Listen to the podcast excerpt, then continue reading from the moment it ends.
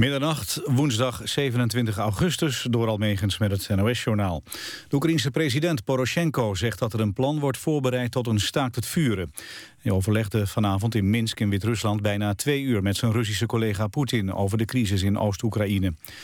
Poetin beaamde na dat overleg dat er snel een einde moet komen aan het bloedvergieten, maar ook dat het aan Kiev is om te komen tot een wapenstilstand. Eerder vandaag vergaderden beide landen samen met vertegenwoordigers van Wit-Rusland en de Europese Unie die in het conflict bemiddelen. De ramp met vlucht MH17 wordt op 10 november herdacht met de nationale herdenking in de Rai in Amsterdam. Dat heeft premier Rutte gezegd na een bijeenkomst voor nabestaanden. Rutte zei verder dat nabestaanden het erg waarderen dat heel Nederland meeleeft. Op de bijeenkomst in Nieuwegein kregen de aanwezigen informatie over de afwikkeling van de ramp. Er is ook bekendgemaakt dat er inmiddels van 283 mensen DNA-materiaal is gevonden. Toestel had 298 inzittenden. Groente- en fruittelers die hun overtollige producten aan voedselbanken geven... worden extra gecompenseerd door de Europese Unie. Ze krijgen dan ook de kosten voor distributie en sortering vergoed. Staatssecretaris Dijksma heeft details bekendgemaakt... over de compensatieregeling voor telers die worden getroffen... door de boycott uit Rusland. Die regeling gaat komende dag in. De Franse president Hollande heeft een nieuwe ministersploeg gepresenteerd. De hele ploeg was ontslagen nadat de minister van Economische Zaken zich onmogelijk had gemaakt met kritiek op het economische beleid van de regering. Zijn post wordt overgenomen door de 36-jarige Emmanuel Macron, een vertrouweling van Hollande. Op een begraafplaats in Almere zijn vanmiddag graven geschonden. De daders hebben spullen meegenomen en vernield, onder meer van kindergraven. Zondag werden er al 40 tot 60 graven geschonden op de begraafplaats. Uitvaartorganisaties hebben aangifte gedaan en nabestaanden op de hoogte gebracht. Het is nog onduidelijk hoe groot de schade in Almere is. Het weer vannacht droog en opklaringen. Minimumtemperatuur 8 graden. Overdag ook droog, veel zon. Dan wordt het zo'n 21 graden. De dagen daarna nog iets warmer, maar wel weer buien. Dit was het NOS Journaal. NPO Radio 1. VPRO. Nooit meer slapen.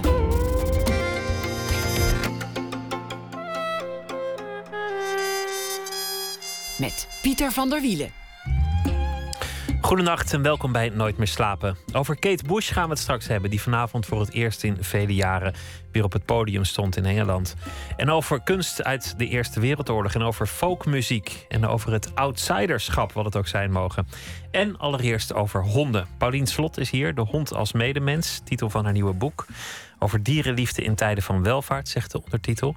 Gaat over haar overleden hond Molly en over uh, dierenliefde in het algemeen. Paulien Slot is schrijfster, geboren in 1960. Opgegroeid in Den Haag en Soetermeer. Studeerde Nederlands in Leiden. Na een lange zwerftocht door Australië en Nieuw-Zeeland besloot ze uiteindelijk schrijver te worden. In 1999 debuteerde ze zeer succesvol met het boek Zuiderkruis. Vele boeken zijn inmiddels gevolgd. Haar voorlaatste boek heette Surabaya en vertelde het verhaal van haar oud-tante die na de oorlog, na vrijlating uit het Jappenkamp, door Indonesische opstandelingen om het leven werd gebracht. Een papieren graf noemde ze dat boek. En nu dus een boek over een hond. De hond als medemens. Waarom? Ehm, ik had een hond, Molly. Die had ik vier jaar. En uh, die bleek na twee jaar ernstig ziek te zijn. Ik had haar uit Spanje geadopteerd, heet dat tegenwoordig... als je een hond uh, koopt die al een vorige eigenaar heeft gehad. En zij bleek ziek te zijn. En we hebben jarenlang allerlei behandelingen gedaan. En uiteindelijk heeft ze het niet gered. En ik was eigenlijk heel erg verbaasd over het verdriet wat ik had... over het verlies van mijn hond... Uh, ik was sowieso wel verbaasd over uh, wat ik allemaal voelde in de jaren dat ik die hond had. Uh, ja, wat, nou ja, dat, dat je echt liefde kon, dat ik echt liefde voelde voor die hond. Dat had ik eigenlijk niet zo verwacht. En zeker toen ze er niet meer was, voelde ik gewoon ja, verdriet. Ik dacht, goh, dat is toch wel wat. verdriet om zo'n wezen wat uh, aan de ene kant zo vreemd voor je is, zo anders is. En waar ik kennelijk toch een enorme band mee gevoeld heb. En ja, wat is dat dan geweest? Wat is dat voor band die wij hebben, mens en hond? Wat voor hond was het? Uh, het, ja, het was, daar kwam ik pas later achter. Een Duitse draadhaar schijnt dat dan te heten. Uh, wij noemden er een Duitse druiloor, omdat ze niet een. Uh, het was niet helemaal een raszuivere Duitse draadhaar. Maar het was een jachthond met een mooie, vrij lange vacht. ja, een heel, heel mooie hond vond ik het. Heel atletisch, kon enorm hard rennen. Maar ook met een hele, hele lieve kop. kregen altijd buiten mensen achter ons aan die haar wilden aaien. En zeiden, oh, wat is dat een leuke hond. Nou, dat wil je altijd heel graag horen dan. Je vorige boek noemde je een, een papieren graf. En daarmee wilde je mensen aan de, aan de, aan de, de vergetelheid ontlokken. En, en dat geeft al aan dat, dat je vaak literatuur schrijft met, met een hele grote bedoeling. Zit er een mhm. hele grote bedoeling achter het verhaal over Molly? Nou ja, er, er zijn twee lijnen in het boek. Aan de ene kant uh, is het een verhaal over uh, ja, die wonderbaarlijke band tussen, tussen mens en hond, tussen mij en, en mijn hond. Um, maar ik wilde ook wel gewoon kijken van wat voor rol vervult de hond nou in ons moderne leven. Er zijn geloof ik iets van 2 miljoen honden in ons land. Um, waarom zijn dat er zoveel? Mensen hebben het verschrikkelijk druk. Um, uh, ze hebben niet eens tijd om zelf te koken. Maar ze willen toch een hond hebben. Uh, waarom eigenlijk? Wat, wat betekent zo'n hond in ons leven? Wat, wat zoeken we daarin? En ik vond het heel leuk om daarover na te denken. En ook om de, de dingen te zien die wij in het. Ja, hoe wij de hond optuigen in het moderne leven. Haast als. Nou ja, alsof ze een beetje op mensen zijn gaan lijken. Um, en tegelijkertijd, uh, zij blijven hetzelfde, maar wij gaan ze steeds wat anders uh, zien. En we beginnen ze soms ook een beetje als, uh, nou, als kinderen te behandelen. Nou, dat vond ik leuk om dat allemaal, om daar naar te kijken. Om dat te onderzoeken. Want, ja. want in het begin van het boek dan ga je wandelen door het dorp, Warmond. Althans, ik geloof dat dat in Warmond was. En dan, dan vind je een, een hondenbegraafplaats. Oh ja, nee, dat was ergens anders. Dat was in Drenthe. In Drenthe was ja, het. En dan, dan zie je dat mensen teksten op, op grafstenen, net zoals je bij mensen zouden, eh, zou doen, ja. opdragen aan een hond. En dan ben je nog verbaasd. Ja, klopt. Ja, en een beetje giechelig zelfs. Ja, toen had ik nog helemaal geen hond uh, uh, zelf. En uh, ik liep over die begraafplaats en ik dacht, nou, nou, hè, al die zerkjes en kluifvormige stenen. En het, een bal erop en een slinger. En inderdaad, en, een en enorme ja, expressie van gevoel ook op, op die stenen. En mensen van hier rust ons liefste popje. En hè, allemaal van die dingen, denk ik, dat is eigenlijk wel heel intiem. En waarom zetten mensen dat daar zo neer? Uh, dus toen keek ik er inderdaad naar en dacht: hé, hey, wat merkwaardig. Maar uh, toen ik eenmaal zelf een hond had, uh, en vooral ook toen ik zelf mijn eerste hond was verloren, ja, toen begreep ik dat. Toen begreep ik ook: ja, dat is ook, het is liefde die je kan voelen voor een hond. En ja, als die wegvalt, dan is dat dus ook verdriet. En daar zit eigenlijk niet een enorm kwalitatief verschil tussen het verdriet wat je kunt hebben om het verlies van een mens en het verdriet wat je kunt hebben om het verlies van een hond. Ik wil maar als het, zeggen. als het liefde is, dan is het in ieder geval niet hele gelijkwaardige liefde. Dat is toch nee. een van de dingen die je zou moeten verlangen in de liefde, is een zekere mate van gelijkwaardigheid, wederkerigheid. Ja, dat, dat is natuurlijk zo. Hè. Ik, ik vind ook de liefde voor een hond zou je haast uh, een soort vakantie van de, van de echte liefde kunnen noemen. Hè. De echte liefde tussen mensen, dat is allemaal altijd heel ingewikkeld. Uh, uh, daar zit er veel meer dynamiek in, daar zitten veel meer lagen in. Uh, uh, ja, ik, ik vind mezelf altijd heel complex en een ander complex. En in combinatie levert dat allerlei. heel veel complexiteit op. Ja. Inderdaad. Reken maar uit. ja. Maar met een hond, uh, uh, ja, dat, een hond als het gewoon goed gaat, uh, die is heel gelijkmatig. Die wil nooit iets anders dan wat er op dit moment is. die gaat niet naar de tuin van de buurman kijken en denken: oh, die heeft eigenlijk een veel grotere tuin. En ik vind dat misschien eigenlijk ook wel een leuker iemand, een succesvoller iemand. Dus kan ik daar niet gaan wonen? Nee, die hond is bij jou. En die wil bij jou zijn, omdat jij er gewoon bent. Die is trouw. Maar als je echte partner dat zou doen, hijgend trouw achter je aanlopen en de krant halen, dan zou je hem afwijzen. Ja, dan is het weer niet interessant genoeg natuurlijk. Want je wil ook iemand. Uh, er, er, is natuurlijk een heel groot verschil. Met een mens wil je, uh, uh, ja, wil je contact op het niveau waarop je met een mens contact kan hebben. door na te denken en te praten. En dat kan allemaal niet met een hond. Um, is, het, is het een vlucht? Een vlucht weg van de mensen? Naar iemand die wel trouw is. Ook, ook, al, ook heeft hij een ander soort vacht en uh, spreekt hij geen taal. Nou, dat kan het zijn. Er zijn natuurlijk mensen hè, die uh, wat bitter in het leven staan. En die, die zeggen dan van, nou ja, mensen zijn niet te vertrouwen. Die heb ik opgegeven. Maar mijn hond, hè, die begrijpt mij. Die weet precies hoe ik me voel. Ja, zelf ervaar ik dat niet zo. Ik, ik, ik zie het als het is een hele leuke aanvulling. Uh, het, is, uh, het is een hele gemakkelijke relatie. Het, is, uh, het geeft heel veel plezier. Ik liep vanavond nog met mijn hond in het parkje bij mij in de buurt.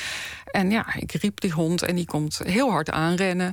Um, en dat geeft gewoon plezier. Het is een hele simpele vorm van plezier dat je, dat je roept en dat zo'n hond ontzettend enthousiast naar je toe komt rennen. En het is een excuus om naar buiten te gaan, want niemand kijkt op als je met een hond loopt. Het is goed voor de lichaamsbeweging. Ja. Je leert buurtgenoten kennen, daar kunnen we het straks nog over hebben. Ja. Maar verder is het natuurlijk ook enorm veel ellende, zo'n hond.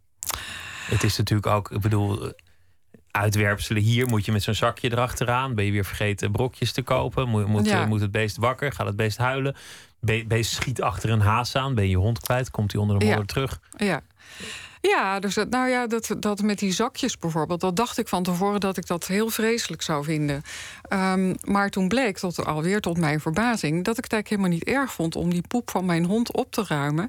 En dat er zelfs, uh, vreemd genoeg, een soort uh, prettige gewaarwording was. Uh, ja, dat, dat kan je, je dus niet voorstellen. Maar dat, je moet je hand wel goed in zo'n zakje doen natuurlijk. Maar er, dat was iets van, ja, dat, dat warme. En het was van mijn hond. En dat hoor je van van mensen met baby's ook. Ik heb zelf die ervaring niet, want ik heb geen kinderen. Maar dat als het van hun eigen kind is, dat ze dat niet erg vinden. En die ervaring had ik dus ook met mijn hond, vreemd genoeg. Niet met van andere honden, want daar ben ik het even vreselijk van blijven vinden. Dat lijkt inderdaad op, op moeders met luiers, die ook vergeten dat het stinkt en gewoon in het. Ja.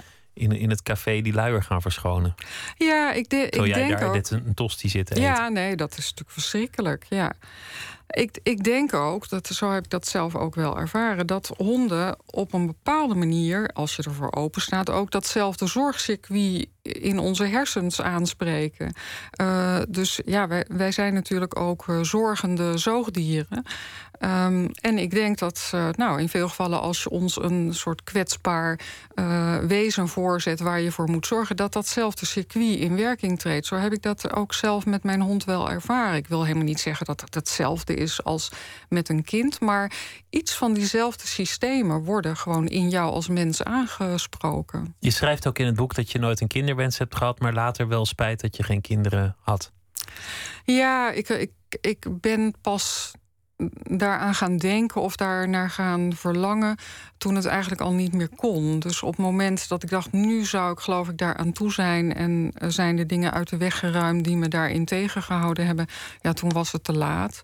Dus dat is een beetje een ongelukkige timing, zou je kunnen zeggen. Heeft dat iets met die hond te maken of, of blijven dat toch gescheiden fenomenen? Mm, het is grotendeels gescheiden. Ja, het is niet zo dat ik dacht van nou dan maar een hond. Nee, dat, nee ik dacht gewoon van het lijkt me leuk om een hond te hebben. Niet als vervanging voor, voor een kind wat er niet is gekomen. Maar, maar zekere zorgbehoeften en dan, dan niet... Meestal wordt dat woord passief gebruikt, maar in, in deze zin actief. Mm -hmm. Een zekere zorgbehoefte wordt daardoor wel vervuld. Ja, ja. En het is, ja, het is een, een ander soort band dan je met volwassenen om je heen hebt. Uh, uh, ik vind ook juist uh, ja, het feit dat je voor die hond verantwoordelijk bent en daarvoor moet zorgen. Dat, dat heeft ook iets prettigs. Ik heb dat als heel prettig ervaren. Ja. Laten we luisteren naar fragmenten van, van hondenfluisteraars. Dat zijn programma's die ik ja. altijd met grote fascinatie kijk. Meestal zonder geluid, moet ik bekennen. Maar um, ja, machtig, machtig mooie programma's. We gaan even luisteren naar de, de bekende, de Amerikaanse uh, mm -hmm. hondenfluisteraar, de dog whisperer. Ja. My formula to balance a dog is very simple. Exercise, discipline, then affection. In that order. When a dog is spoiled with just affection, affection, affection, it can turn into a monster like Chip, a miniature pincher.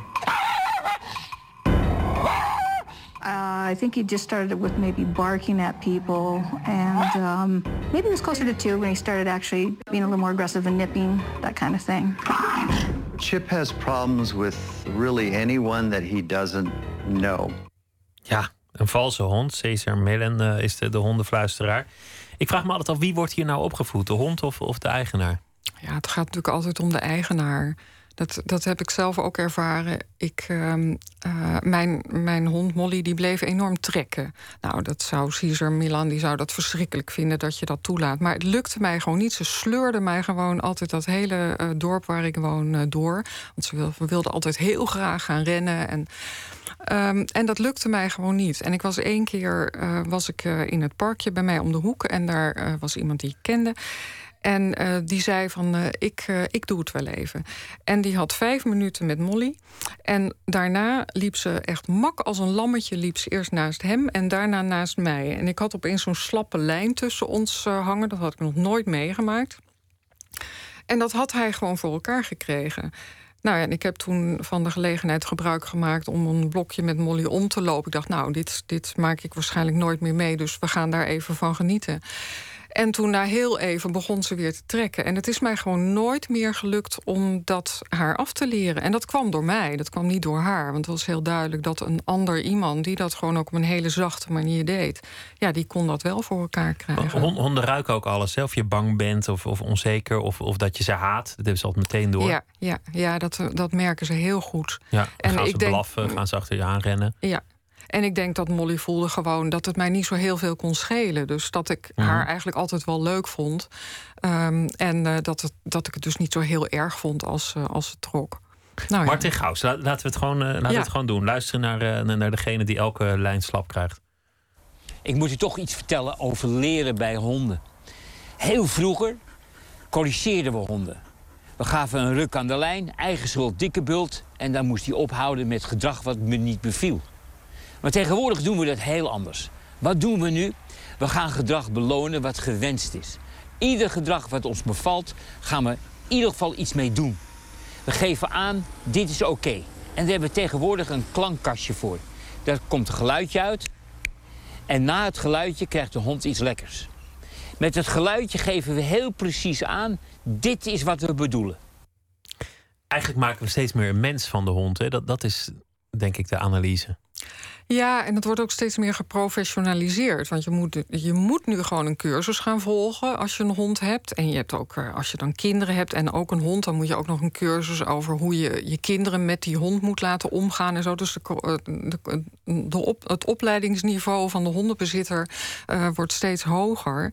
En ik ben ook op zo'n training geweest... waar je met zo'n klikker moest werken. En ik vond het echt verschrikkelijk gewoon. Ik, ik, kon het ook helemaal niet, want je, die klikker op zich... die moet dan een beloning. Dat geluidje wordt een beloning. Maar om dat een beloning te laten worden... moet je eerst daar dan ook een stukje kaas of worst bij geven...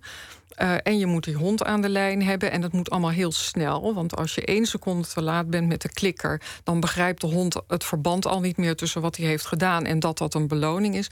Dus nou, ik vond het echt vreselijk. En ik, het lukte me ook helemaal niet. Uh, dus ik ben ook voortijdig afgehaakt... omdat ik gewoon niet meer tegen kon. En uh, gelukkig bleek toen dat je gewoon heel veel dingen... die leert die hond gewoon vanzelf wel. Uh, en ik heb ook later gemerkt dat mensen die soms uh, inderdaad twee jaar lang intensief met hun hond getraind hadden, die hadden daarna een hond en die was net zo gehoorzaam dan wel ongehoorzaam als mijn hond was. Dus ja, dat idee dat je echt een langdurige opleiding met je hond moet volgen, nou ja, ik ben daar zelf een beetje van teruggekomen en ik vond het eigenlijk vreselijk. Toch, toch is er iets geks. Het, wordt vergeleken met um, een liefde. Het wordt vergeleken met een vriendschap, met misschien wel een, een soort kind. Maar Molly is dood. Er is een nieuwe hond, mm -hmm. Maartje. Saartje. Saartje, sorry.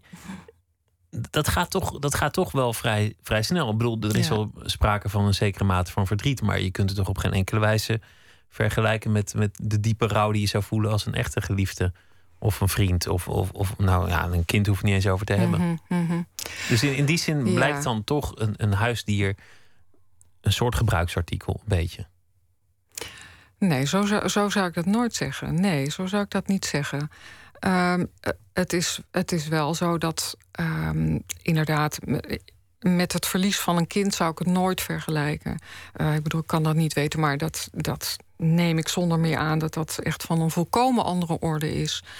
Um, maar dat wil niet zeggen dat het niet toch een, een echt verlies is. Um, en het heeft voor mij ook helemaal niet gevoeld alsof mijn hond een gebruiksartikel is geweest. Ik, ik chargeer dat een beetje, maar ja. er zit iets geks. Dat, dat konijnen, dat, dat is misschien een makkelijker onderwerp om mm -hmm. het over te hebben. Konijnen mm -hmm. worden geopereerd bij dierenartsen. Ja. Terwijl elders worden konijnen in de ja. duinen ja. door de boswachter afgeschoten. En weer elders worden ze gefokt. Om, omdat we ze met kerst zo lekker vinden. Ja. Ja, maar daar zijn we natuurlijk ontzettend gespleten in, in hoe we met dieren omgaan.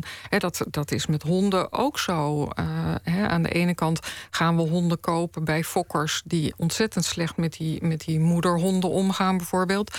Maar we vinden dan die puppies ontzettend schattig en die willen we heel graag hebben. Um, nou, we willen al helemaal niet weten wat er in de bio-industrie natuurlijk allemaal gebeurt. Dus we, daar, daar zit een enorme gespleetheid. En als die hond eenmaal maar bij ons is, ja, dan is niets goed genoeg. En dan moet hij ook uh, de duurste behandelingen krijgen. Maar en, wel liefst een, een, rashond, wat, wat weer voor die, voor die beesten allerlei kwaaltjes oplevert, omdat ze totaal doorgefokt zijn. Ja. Nou, dat is ook verschrikkelijk. En ik, dat, ik wil ook wel uh, niet ontkennen ja. dat het heel leuk kan zijn voor mensen om, om een huisdier te hebben. Ja, nee, maar dat zou natuurlijk ook helemaal niet moeten. Dat, uh, dat je een buldog hebt die eigenlijk nauwelijks kan ademen. En die worden niet eens meer toegelaten in het vliegtuig. Omdat uh, ze de ijle lucht niet uh, genoeg naar binnen kunnen krijgen. Omdat ze zulke rare koppen hebben gekregen. Dus dat, dat is natuurlijk ook doorgeslagen. En die honden zijn een soort mode, modeverschijnsel geworden. Er zijn ook echt van die modes in, in de hondenwereld. Hè. Je hebt nu ook de labradoodle. Ik hoorde ook van de week nog dat er nu bendes zijn. En die uh, stropen de supermarkten af... waar labradoodles dan even aan zo'n haak gezet worden... terwijl het baasje boodschappen aan doen is. En die halen die labradoodle dan weg, een busje binnen... Uh, nou ja, dat, ja, want die zijn veel geld waard. Ja. Dus er gebeuren natuurlijk hele, hele gekke dingen in. Via de hond leer je toch ook de mens kennen. Dat was een van de aspecten van het boek. Straks wil ik het uh, hebben over uh, de auteur, over, over jouzelf. Maar we gaan eerst luisteren naar muziek van Jenny Lewis. Nou, een zangeres, maar ook veel meer dan dat. The Voyager heet het nieuwe album van haar, geproduceerd door Ryan Adams. En het titelnummer gaan we nu naar luisteren.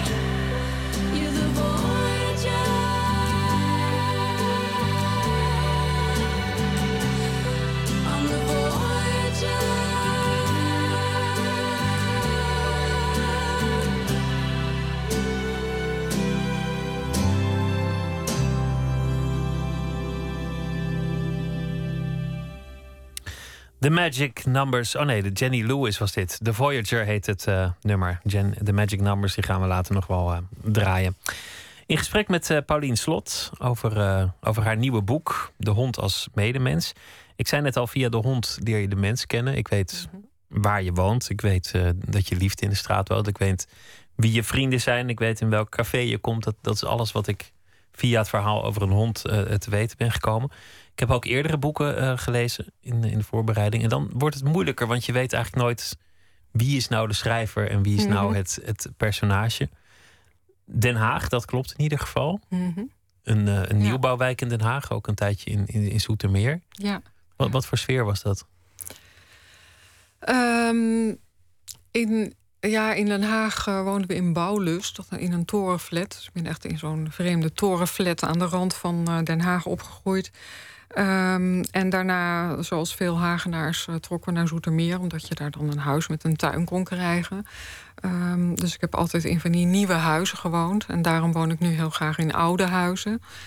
Ehm, en ja, het was, het, ja, het was gewoon een heel gewoon, heel gewoon milieu. Je hebt het beschreven in een, in een boek met de titel Inwendig.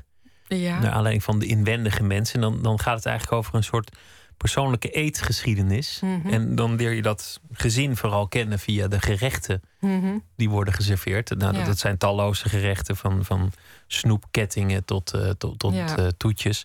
Weinig groenten. Dat, dat typeerde denk ik het, het Ja. gezin in die zin. Nou ja, dat was in die tijd sowieso eh, wel zo hoor. Dat je niet ontzettend veel groente kreeg. Maar het is inderdaad een beetje een. eh, ja, het geeft ook echt een tijdsbeeld. Want de mensen die ongeveer even oud zijn als ik, die herkennen daar heel veel in. Heel veel van die dingen die wij toen kregen. Ehm, ja, dat, dat was wat mensen in die tijd aten. En dat, eh, dat is natuurlijk enorm opgeschoven. Heel veel dingen had je nog niet. Broccoli had je nog niet. En ja, we aten gewoon vissticks en dat, dat soort dingen. Ehm, en inmiddels eh, ja, is dat allemaal heel erg veranderd. En ik heb in dat boek, De Inwendig, heb ik eh, geprobeerd om alle herinneringen die ik had aan, aan eten die van enig belang waren, dat, die heb ik allemaal in scènes achter elkaar gezet. En dat levert met elkaar eigenlijk een soort levensgeschiedenis op. Een, een uitsnede weliswaar, maar die eh, heel veel zegt. Omdat eh, ja, hoe je met elkaar eet en hoe je met elkaar aan tafel zit. En alle rituelen die daar omheen zitten. En de verboden en de, de, waarden. eh, De beloningen, de, de, de straf, de, Ja. de tekortkomingen, de, ja, de, en de, de, cultuur, de, ja, de cultuur van de tijd en de cultuur van het milieu waar je, waar je in opgroeit, dat, dat wordt daar allemaal in weerspiegeld. Een moeder die worstelde met depressie, Mhm. komt in het, in het boek voor. Was, was Ja. het in het echt ook zo? Ja, ja. Ja, ja, mijn moeder is eh, de eerste jaren van mijn leven is heel erg ziek geweest. Eh, eh, heel erg grote inzinking eh, gehad. En ja, dat, dat heb ik daar ook in beschreven. En ook de, nou ja, de gevolgen die dat voor, voor de lange termijn ook heeft. Ja, hele dat betekent- vormende jaren. Dat betekent eigenlijk dat, dat, dat je als kind maar wat minder om aandacht moet vragen, omdat mensen al hun eigen bezonjes hebben.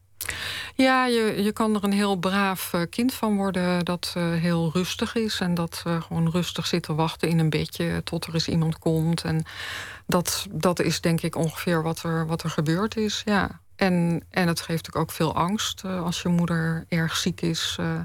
Eh, ja, dat, eh, voor hele kleine kinderen geeft dat ook eh, natuurlijk haast een soort eigen doodsangst. omdat je je moeder ook heel erg nodig hebt. Dus nou ja, dat zijn hele ingewikkelde processen. En om, als je zelf heel erg jong bent, begrijp je die allemaal niet.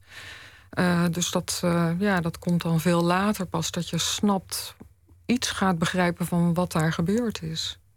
Zoals een hond ook ehm, bang is om alleen gelaten te worden en elke keer Mhm. kwispelt als iemand thuis komt, Ja, is ook praktisch, want die, die heeft gewoon eten nodig. ja. Een ja, kind heeft dat in, in dezelfde mate. Ja, En, en als, als, als dat lot onzeker is van die moeder, mhm, ja. wa- wat voor gevolgen heeft dat later? Nou ja, dat kan, kan later kan dat eh, weer terugkomen. Hè. Er zijn denk ik van die momenten. eh, iedereen heeft dat denk ik wel in zijn levensloop. Dat er gebeurtenissen kunnen zijn waar, waar dingen, bepaalde dingen stil komen te staan of zo. Die zich niet verder ontwikkelen. Die blijven op een bepaald tijdstip vastzitten. En eh, als dat gebeurt, ja, dan kan dat later steeds weer opgeroepen worden. En dan is het net alsof je teruggeworpen wordt naar dat moment. En dat, dat heb ik wel veel gehad in mijn leven. Dat, uh, dat ik uh, de teller van de jaren soms opeens naar beneden voelde gaan. En dacht, oh, uh, nu kom ik weer helemaal in dat hele oude, jonge gevoel terecht. En um, ja, dat is lastig voor je leven. Want je moet je leven gewoon als volwassene leiden. Um, en daar, nou ja, daar heb ik allerlei moeite voor gedaan om te zorgen dat ik daar beter mee om kon gaan. En ook beter snapte wat, wat daarmee gebeurde. Ook in de liefde? De, bleef die angst dat, dat die ander misschien wel op wat voor manier er niet zou zijn? Of, of dat je extra je best moest doen? Of dat je misschien die aandacht niet verdiende? Ja, ik ben in de liefde heb ik altijd een voorkeur uh, voor mensen waarvan ik vermoed dat ze zwakker zijn dan ik, dat ik voor ze moet zorgen. Um, en uh, soms was dat ook echt zo. Uh, en dan geeft dat aan de ene kant een vertrouwd gevoel, want ik weet dan, ja, dat, dat ken ik. Maar aan de andere kant is dat ook vreselijk, omdat dat natuurlijk niet echt is wat je wil. Je wil eigenlijk gewoon dat er een sterk iemand ook naast je zit, uh, staat, die ook voor jou kan zorgen. En dat dat een uitwisseling kan zijn. En inmiddels ken ik dat en weet ik dat. Dus ik kan daar nu beter op letten. Dat, uh, um, ja, ook dat ik dat niet projecteer op iemand anders. Want dat kan net zo makkelijk gebeuren. Dat, uh, dat je zelf projecteert op een ander en denkt dat hij zwakker is dan die is. Omdat dat, ja, dat is het patroon wat in mijn hoofd zit. En dan maak je iemand ook zwakker? Ja, dan maak je iemand ook zwakker. Dus, en dat weet ik nu. En daarom kan ik daar beter op letten. Maar dat, dat blijven dingen die zitten zo, die kunnen zo diep in je zitten. Ja, dat je daar, um, nou ja, daar moet je op letten. Dan moet je je hoofd bij houden. Het is mooi dat je, dat je toch verder komt in, in het leven. Ja, dat vind ik ook eigenlijk verbazend. Dat dat, dat, dat geklooi van je jeugd ja, op een gegeven moment een beetje ja, voorbij gaat. Ja, het kan, als ik terugkijk, denk ik, het kan soms wel erg lang duren voordat je het echt in de gaten hebt. Want ik heb toch wel een aantal van dat soort rondes doorlopen. Van, uh, toch daar steeds weer uh, intrappen. Maar inmiddels heb ik het idee uh, dat ik dat beter, uh, beter doorzie. En dat ik dat dus ook beter kan verdragen. Of kan denken van nee, nee, zoals ik nu denk dat het is, zo is het niet. het ligt allemaal wat anders. En ik moet niet weer mijn eigen film daarop gaan afspelen. Dat is natuurlijk wat je vaak doet in het leven. Je speelt een film af of, of een mm -hmm. bepaalde riedel die je nou eenmaal hebt aangeleerd. Ja. Of, of een bepaald patroon. Ja. Ja, dat is ook zo. En dat doe je. De, de, daarom vond ik het ook interessant om over die honden na te denken. Want die honden zijn ook prachtige projectieschermen voor ons. Uh, dus wat wij, wat wij in hen zien of wat wij van hen verlangen, dat vertelt ook heel veel over ja, wie wij zelf uh, zijn. Uh, als individu, maar ook als, als mensen in een bepaalde tijd. Aan, aan de hond kun je de baas herkennen. Ja, absoluut. Ik denk ook dat, dat mijn hond mij bijvoorbeeld ook uh, duidelijk heeft gemaakt waar ik eigenlijk uh, naar verlangde of wat er misschien nog ontbrak. Uh, want de hond Molly heeft mij echt geleerd om ja, socialer te zijn of wat zachter, wat benaderbaarder te zijn. En dat was eigenlijk iets wat nog een beetje ontbrak. Maar ik denk dat ik dat wel ergens zocht. En nou ja, door zo'n hond en door je, hoe je ziet hoe die is... En door dat ook een beetje daarop te projecteren... op een of andere manier heb ik dat daar ook teruggevonden. Iets wat ik eigenlijk ook graag wilde, wilde hebben. Ik zei net dat je na je studie in Nederlands... je hebt een tijd in Amsterdam gewerkt... ben je gaan, gaan reizen. Mm -hmm. de, de andere kant van de wereld. Australië, ja. Nieuw-Zeeland. Ja, ja. En, en daar ergens landde het kwartje ik moet schrijver worden. Ging het zo of, of dacht je ik moet schrijven of dacht je ik moet schrijver worden? Uh, nee, ik dacht ik moet schrijven. Ik, uh, uh, ik heb daar inderdaad bijna anderhalf jaar door van die heerlijke lege landschappen gereisd. En daar kwam eigenlijk het, het idee voor een verhaal. En, en pas toen ik het idee had voor een verhaal, dacht ik: oké, dan wil ik dat ook wel graag gaan, gaan opschrijven ik had wel, uh, ik hield altijd wel heel erg van schrijven, maar ik had echt nooit gedacht van ik wil schrijver worden. Het was nooit in me opgekomen. Ik had ook niet het idee dat dat een optie was of dat dat zou kunnen. En pas uh, toen ik een proefschrift had geschreven, dacht ik: oké, okay, een boek, nou dat, dat kan dus kennelijk. En toen kwam dat idee voor het verhaal en ja, toen, toen ben ik gaan schrijven. En toen bleek je het ook meteen te kunnen, omdat het boek als manuscript werd opgestuurd. Nou, die, die komen in stel ik me altijd voor in, in karren, vrachten mm -hmm. of, of, hele, hele ladingen die worden in de hoek ja. geparkeerd. En bij jou ja. werd er door meerdere uitgevers meteen gevochten. Niet, niet fysiek, Nou, maar, viel wel mee, maar... maar er ja. werd stevig aan getrokken. Want Hm. meerdere uitgevers toonden zich geïnteresseerd. En het boek Ja. werd enorm lovend ontvangen. Mhm. Zeer goede recensies. En het best verkochte debuut van dat Mhm. jaar in 99. Ja, ja. Dus het was, het was eigenlijk ook wel een schot in de roos, denk ik. Ja, dat, dat, was natuurlijk heel verbazend. Want eh, eh, toen ik het schreef, wist ik dat natuurlijk helemaal niet. Dan weet je helemaal niet wat het, wat het waard is, zal ik maar zeggen. En of het uitgegeven gaat worden. En toen dat gebeurde, ja, dat, was- dat was heel verbazend. Natuurlijk heel fijn ook. Eh, maar ja, en het, ja, ik heb, dat was het eerste wat ik schreef aan fictie. en ja, er is ook verder niet heel veel aan gedaan. Dus het was gewoon inderdaad, ik ben gaan zitten en ik heb het geschreven. En het was ook ja, goed genoeg eh, om dat voor elkaar te krijgen. En dan gebeurt er eigenlijk iets geks. Want dan, dan nou, ik ben eigenlijk benieuwd, wat gebeurt er dan? Hoe bedoel je? Nou, als, je, als je debuteert en, en denkt, Mhm, nou ja, ik wil gewoon een verhaal schrijven en ik denk dat dit goed is en je stuurt het op en het Mhm. wordt, het wordt, wordt eigenlijk met, met redelijk gejuich binnengehaald en, Mhm. en ook met redelijk gejuich in die literaire wereld eh, gegooid. Mhm. En eigenlijk ken jij die wereld niet. Nee, nee. Wa- wa- waar kom je dan in terecht? Nou ja, dat, dat, is, dat is heel vreemd natuurlijk. Want ik denk dat bijna iedereen die eh, eh, schrijft en die iets publiceert, dat er altijd haast een verlangen achter zit. eh, nou ja, om toch iets, om erkenning te krijgen, om misschien een vorm van liefde te krijgen. En ik denk dat met zo'n eerste boek, wat dan zo'n succes is, dat je heel even in de verleiding komt om te denken dat dat liefde is of zo die je dan krijgt. Alsof, eh, alsof de mensen van jou houden. En ik denk dat er momenten zijn geweest dat ik dat ook heb gedacht. Ehm, maar dat is natuurlijk helemaal niet zo. Eh, ze vinden dat boek gewoon leuk. Eh, of dat boek spreekt ze aan op een bepaalde manier. Of er, er is iets waardoor het net even in een mooi vakje valt. Maar goed, daarna schrijf je weer een ander boek en daar gaat dat, eh, kan dat anders mee gaan. En ook, eh, nou ja, ook als alle boeken een groot succes zijn, het idee eh, dat ze van jou houden, ja, dat, dat leer je gewoon af. Dat, dat, dat is natuurlijk niet zo. Maar daar zit altijd, denk ik, in beginsel even een vorm van wensvervulling in. En dat, Dat- mo- ja. dat moet je leren. eh, eh, maar het- dat, dat, eh, ja, dat dat niet opgaat. Dat dat, dat dat niet is wat het is. Een liefde die wordt afgewezen, want, want zo heeft het dan even gevoeld. Dat is altijd hard. Maar in, in dit geval, ik herinner mij een uitzending waarin Michael Zeeman, Mhm. zaliger gedachtenis, de- de- een soort boekenpaus was dat, een enorme, Ja, enorm intellectuele man. ja. De- dat hij zei van ja, Paulien Slot is uit de literaire hemel geschopt. Oké. Ja, ik heb de- die uitzending nooit gezien. eh, Maar het, het gebeurt met. d- Daar sprak ja. een zeker genoegen uit, een Ja, zekere ja. grofmazigheid. Nou ja, misschien was het niet zijn sterkste moment. mhm, ja. Is, is dat hoe jij je herinnert dat dat gegaan is? is was dat hard? Eh, Dat was wel hard, ja. Ja, dat was wel hard, denk ik. Eh, eh, ik vond dat ook, ja, dat, dat is moeilijk. Ik vond het ook moeilijk wat ik daarvan moest denken. Je hebt daar ook eigenlijk geen verweer tegen. Je, je kan eigenlijk niks terugzeggen.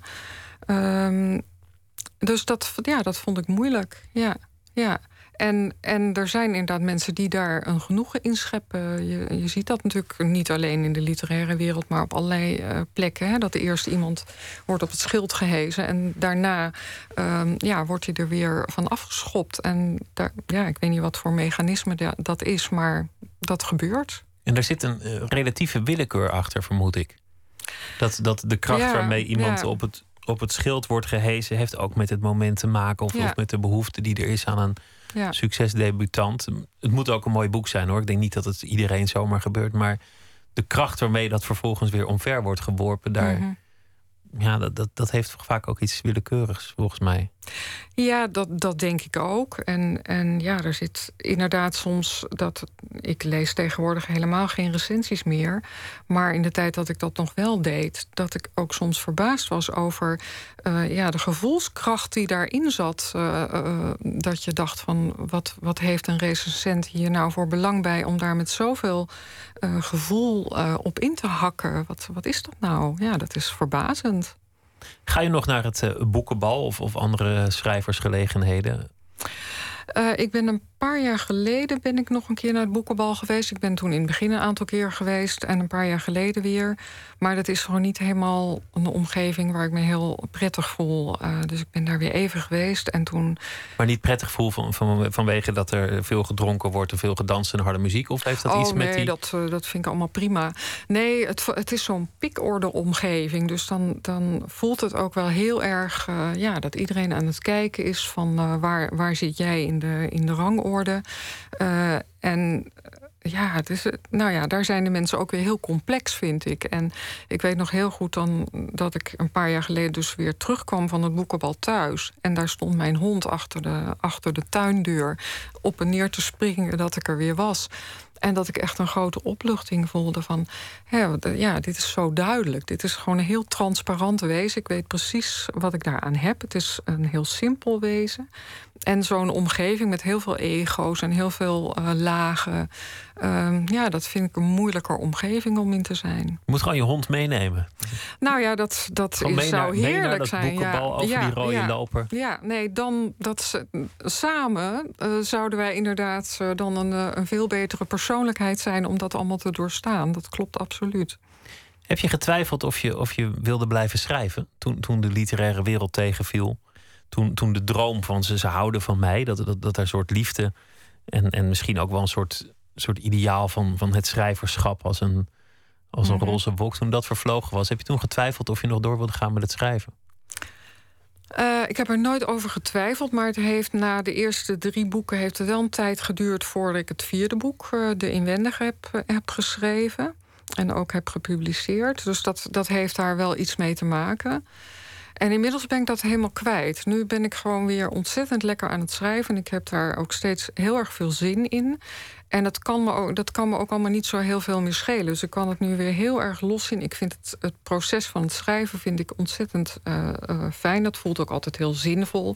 Niet dat het dat is natuurlijk, want de wereld gaat al aan boeken ten onder. Maar als ik ermee bezig ben, voel ik dat als heel zinvol. Um, en daarna denk ik, nou oké, dat boek gaat de wereld in. En uh, het voelt ook niet meer alsof als mensen een boek van mij niet goed vinden, alsof ik dan niet goed ben. Dat zijn gewoon twee losse dingen geworden. En dat maakt het een stuk gemakkelijker. Dus nu denk ik, nou, ik heb, daar, ik heb dat boek geschreven. Dat betekent iets. Sommigen zullen daar iets aan beleven, anderen niet. En dat, daar kan ik heel goed mee leven. En je hebt ook volgens mij je eigen publiek gevonden? Want dat is natuurlijk ook een verschil of iedereen je boek goed moet vinden. Of dat het op nummer 1 in de top 10 moet staan. Of dat alle recensenten het prachtig vinden. Of dat de grote prijzen je kant op komen.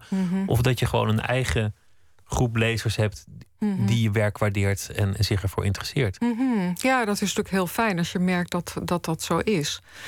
En ja, ik denk ook, ik, ik heb laatst uh, het laatste boek van uh, de laatste roman van Siri Hustvedt gelezen, The Blazing World. En het gaat over een, een vrouwelijke beeldend kunstenaar die heel serieus is en heel genuanceerd is en daardoor geen succes heeft. En zij besluit dan om onder de naam van een aantal jonge, hippe uh, mannelijke kunstenaars uh, haar werk tentoon te stellen. En dat wordt dan heel succesvol.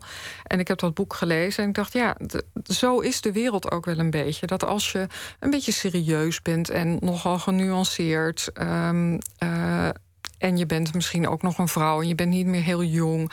Ja, dan zijn bepaalde dingen gewoon moeilijker. En je bent misschien ook niet, ja, niet van de vlammende uitspraken. Um, en dus ik vond het eigenlijk heel leuk om dat boek te lezen. Ik dacht, ja, dat, dat is gewoon zo. En daar heb je mee te maken. En daar heb ik ook mee te maken. En iedereen heeft op zijn eigen manier natuurlijk te maken met hoe de wereld reageert. Um, nou ja dat, ja, dat is dan zo. Nou ja, het is een verworvenheid als je het van je af laat, laat glijden. Uit het uh, boek over je hond ben ik ook te weten gekomen dat je, dat je liefde in het dorp is komen wonen, maar niet mm -hmm. Bij jou in huis, maar, maar ja. 400 meter verderop. Ja, ja. Dat, dat is een eigenlijk ideale constructie als je het mij vraagt, maar het is niet een gangbare constructie. Nee, nee. Hoe, hoe is dat gekomen? Nou ja, weet je, of het een ideale constructie niks ideaal. Hè? Als je nee, maar, maar dat goed. heeft zo zijn moeilijkheden. En Afstand doet relaties bloeien. Ja, nou ja, het, het behoedt je ook soms voor de, voor de valkuilen waar we het eerder over hadden. Dus uh, uh, het behoedt mij bijvoorbeeld voor het idee uh, dat ik voor alles moet zorgen en verantwoordelijk ben. omdat ik gewoon zie dat mijn geliefde daar in dat andere huis 400 meter verderop prima. Je hoeft niet voor hem te zorgen als hij daar zit.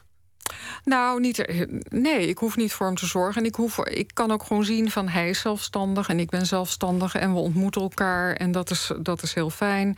Maar we hebben ook gewoon een basis in ons eigen leven. En dat helpt voor mij, uh, nou ja, om dat, beeld van uh, um, ja, ik moet het allemaal doen en ik moet sterk zijn, om dat op afstand te houden. En om steeds weer te zien van nee, zo is het niet. Kan dat van jou uit of, of uh, vanuit Pieter heet hij? Ja, nou ja, ik, ik, woonde, ik woonde nog niet zo heel erg lang in Warmond. En ik had daar een heel, heel fijn huis gekocht. Maar een klein huis waar je eigenlijk heel moeilijk... zeker als je ontzettend veel boeken hebt, met z'n tweeën kan wonen.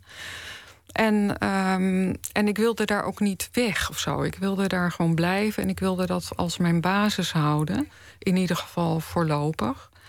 En, en hij vond het eigenlijk ook prima om te nou, dan, dan kom ik daar ook wonen en dan heb ik daar mijn eigen huis en dat werkt heel goed.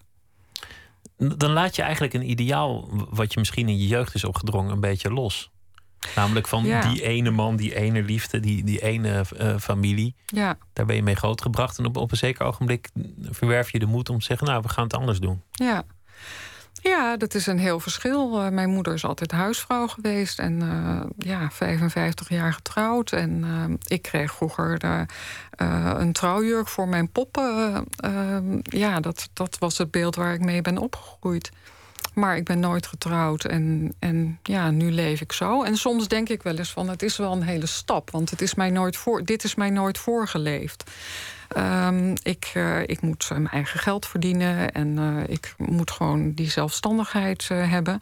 Ja, ik heb nooit een model gehad voor hoe je dat moet doen. En een enkele keer denk ik wel, wat moet dat fijn zijn als, hè, als er helemaal voor je gezorgd wordt en dat helemaal in zekerheid verankerd is. Maar dat heeft ook zoveel grote nadelen. Dat ja, ik vind dit, dit is goed. Het is niet ideaal, maar het is goed. Nou ja, het is, het, is, het is niet makkelijk om op eigen benen te staan. Maar elk, elk hm. verlangen om het aan een ander uit te besteden.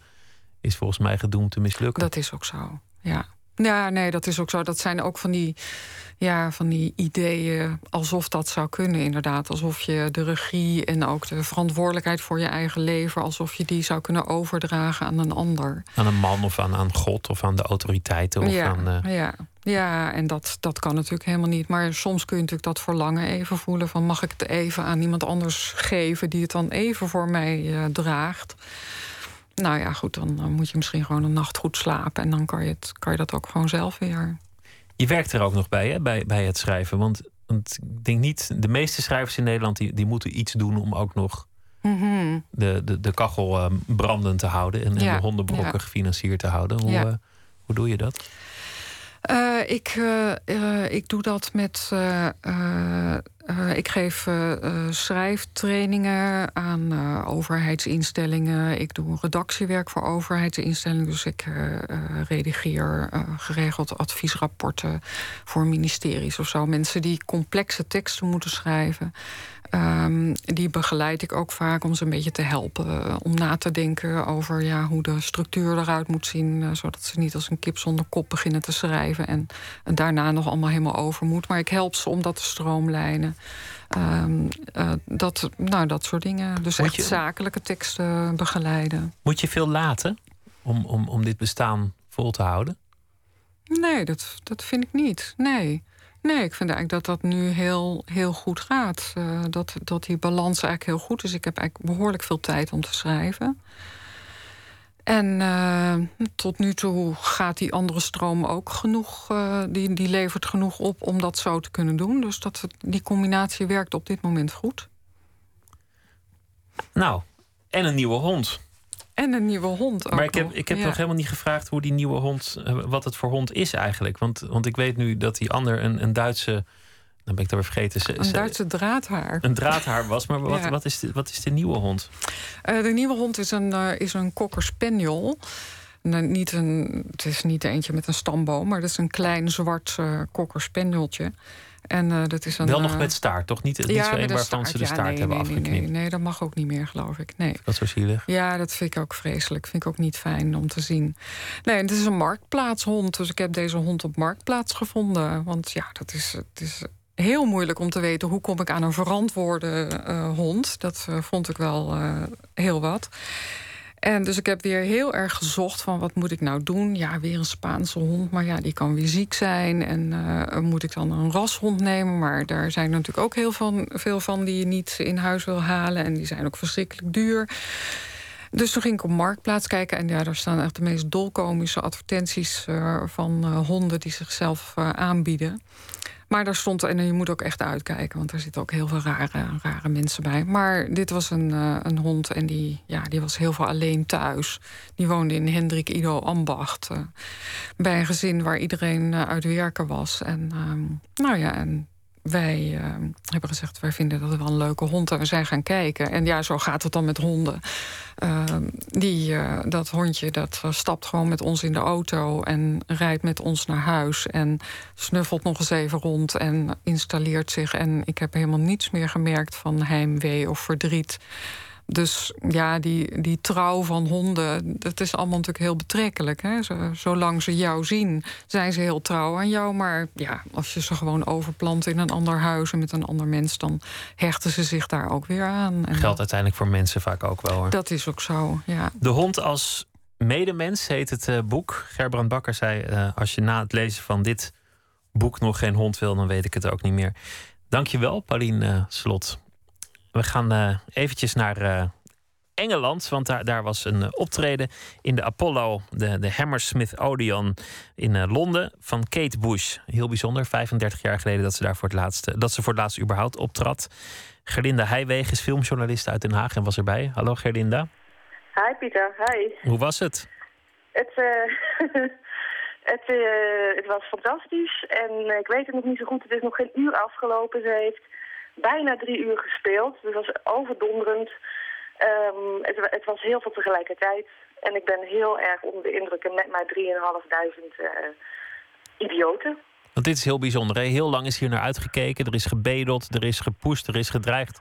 Er is gechanteerd ja. alles om haar weer op het podium te krijgen. Nu ja. was het zover. Uh, kaartjes ja. waren binnen twee seconden uitverkocht. Heeft ze de stem nog? Ze zingt beter dan ooit. Het, uh, ze heeft het hele hoge van vroeger, dat is er een beetje af. Dat vond ze zelf ook nooit zo heel erg mooi. En ze, ze zong echt, het klonk als een klok. Fantastisch. Echt prachtig. Het is een, een hele mooie stem geworden, ja. Haar, uh, van vroeger, 1978, 79, was bekend dat haar uh, act op het podium heel bijzonder was. Heel ja. theatraal. Hoe was dat nu? Het was nu, ze um, ze, ze, ze, begon met gewone liedjes te zingen. Dat vond ik eigenlijk ook al best. Dus ze stond met de, met de microfoon in de hand met een band achter haar uh, een aantal liedjes te zingen. Um, ze heeft niks van het oude werk gespeeld overigens, alleen van de laatste cd's. En um, uiteindelijk werd het voor, voor, het voor de pauze, want er was een pauze, uh, werd het heel theatraal. Ging ze de Ninth Wave, dat is een, de, de, de, de achterkant van de House of Love, als je nog in LP's denkt. Dat ging ze integraal spelen. Dat was ook het enige gerucht wat een beetje uit was gelekt. Met films, want daarvoor had ze een tank in een filmstudio gelezen. Uh, met haar dus op de achtergrond in een film. Dat was erg theatraal. Er werd een stuk het podium opgereden. Um, er werd een klein toneelstukje met haar eigen zoon, die ook meezong, uh, werd opgevoerd. En na de pauze was, dat, was het nog steeds theatraal met, met, met meme-spelers, met acteurs. Um, maar het was nergens heel erg over de top of te gelikt. Je zag ook mensen echt de stuk het podium op, opslepen. Dus het was erg theatraal, maar ze ging niet meer dansen, want het, ze is 56. Maar het was een Kate Bush na 35 jaar een beetje op dezelfde manier, maar meer conceptueel nog. Zoiets. Ze wilde heel graag dat er niet gefotografeerd werd, las ja. ik in de krant. Toen dacht ja. ik, dat is een, een eis die je in 1978 makkelijk kon stellen. Maar ja. tegenwoordig in het mobiele tijdperk is, is dat volgens mij niet te doen. Hoe ging dat? Ik heb niemand zien fotograferen. Er waren ook, was ook wel heel veel security die um, heel aardig waren, maar zeiden als ik nog een keer een telefoon zie, dat was allemaal voordat het concert begon, dan ga je er straks uit.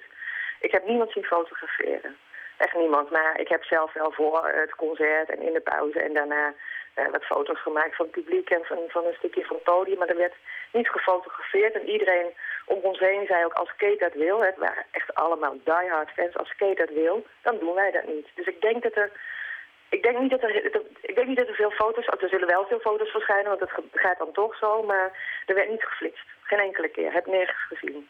Keurige mensen, kortom, uh, daar in Engeland en uh, die, die Kate Bush uh, fans. 22 ja. concerten, allemaal ja. uitverkocht. Ja. Weet je, dat is dit eigenlijk een eenmalige actie of, of zal ze hierna misschien wel weer op tournee gaan? Ik heb geen enkel idee. Ik hoop eigenlijk dat het na die 22 gewoon weer over is. Ik vind het wel charmant.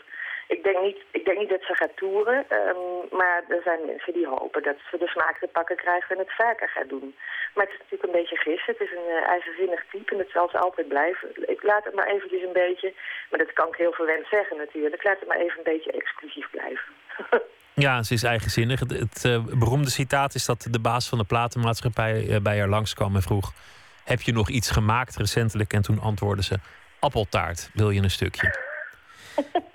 We gaan, uh, we gaan ja. luisteren naar een, een, liedje van Kate Bush uit 1978. Gerlinde Heijwegen, dank je wel. En uh, een hele fijne avond nog daar. En we luisteren naar het, uh, het nummer The Man with the Child in His Eyes.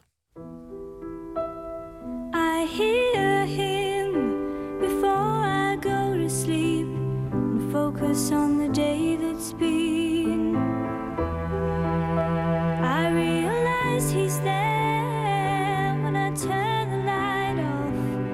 Off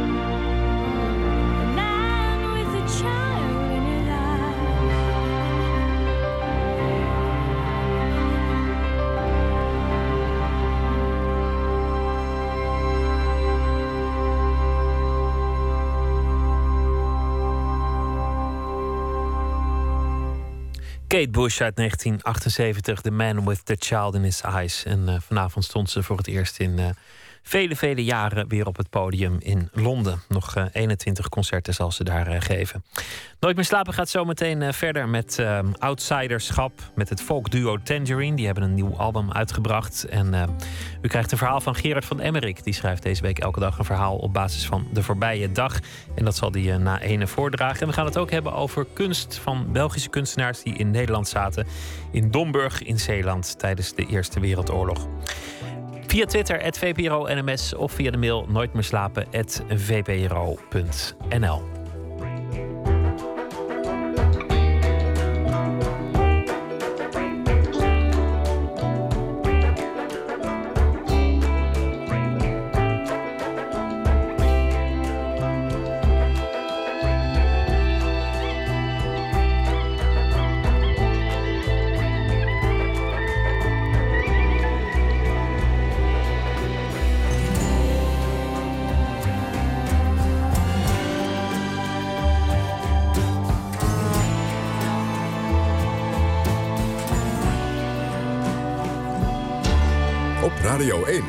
nieuws van alle kanten.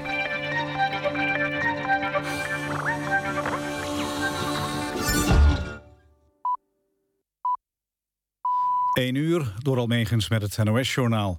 De Oekraïense president Poroshenko zegt dat er een plan wordt voorbereid tot een staakt het vuren. Hij overlegde in Minsk bijna twee uur met zijn Russische collega Poetin over de crisis in Oost-Oekraïne. Poetin beaamde dat er snel een einde moet komen aan het bloedvergieten. En ook zei hij dat het aan Kiev is om te komen tot een wapenstilstand. Na het overleg met Poroshenko begon Poetin een vergadering met de Wit-Russische president Lukashenko en met president Nazarbayev van Kazachstan. Dat gesprek gaat vermoedelijk over douanekwesties en handelsvoorwaarden en over de vraag in hoeverre die ook voor Oekraïne zouden moeten gelden. De ramp met vlucht MH17 wordt op maandag 10 november herdacht met een nationale herdenking in de Rai in Amsterdam. Dat heeft premier Rutte gezegd na een bijeenkomst voor nabestaanden. Rutte zei verder dat nabestaanden het erg waarderen dat heel Nederland meeleeft. Op de bijeenkomst in Nieuwegein kregen de aanwezigen informatie over de afwikkeling van de ramp. Er is ook bekendgemaakt dat er inmiddels van 283 mensen DNA-materiaal is gevonden. Het toestel had 298 inzittenden. Op een begraafplaats in Almere zijn graven geschonden. De daders hebben spullen meegenomen en vernield, onder meer van kindergraven. Zondag werden er al 40 tot 60 graven geschonden op de begraafplaats. Uitvaartorganisaties hebben aangifte gedaan en nabestaanden op de hoogte gebracht. Het is nog onduidelijk hoe groot de schade is in Almere. De twee Europese navigatiesatellieten die in een verkeerde baan terecht zijn gekomen, werken nog wel. Bij de lancering vrijdag ging iets mis, waardoor ze nu in een elliptische baan rond de aarde draaien. Daardoor zijn ze soms dichterbij en soms verder weg van de aarde. De Europese ruimtevaartorganisatie ESA onderzoekt of de satellieten nog gebruikt kunnen worden voor het navigatieproject, waarmee Europa minder afhankelijk wil worden van het Amerikaanse GPS-navigatiesysteem. Het weer vannacht overwegend droog en opklaringen. Tegen de ochtend kan wat nevel of een mistbank ontstaan. Overdag lossen mist en nevel snel op, blijft het droog. Verder schijnt de zon flink en het wordt 20 of 21 graden. Dit was het NOS Journaal. NPO Radio 1. VPRO. Nooit meer slapen.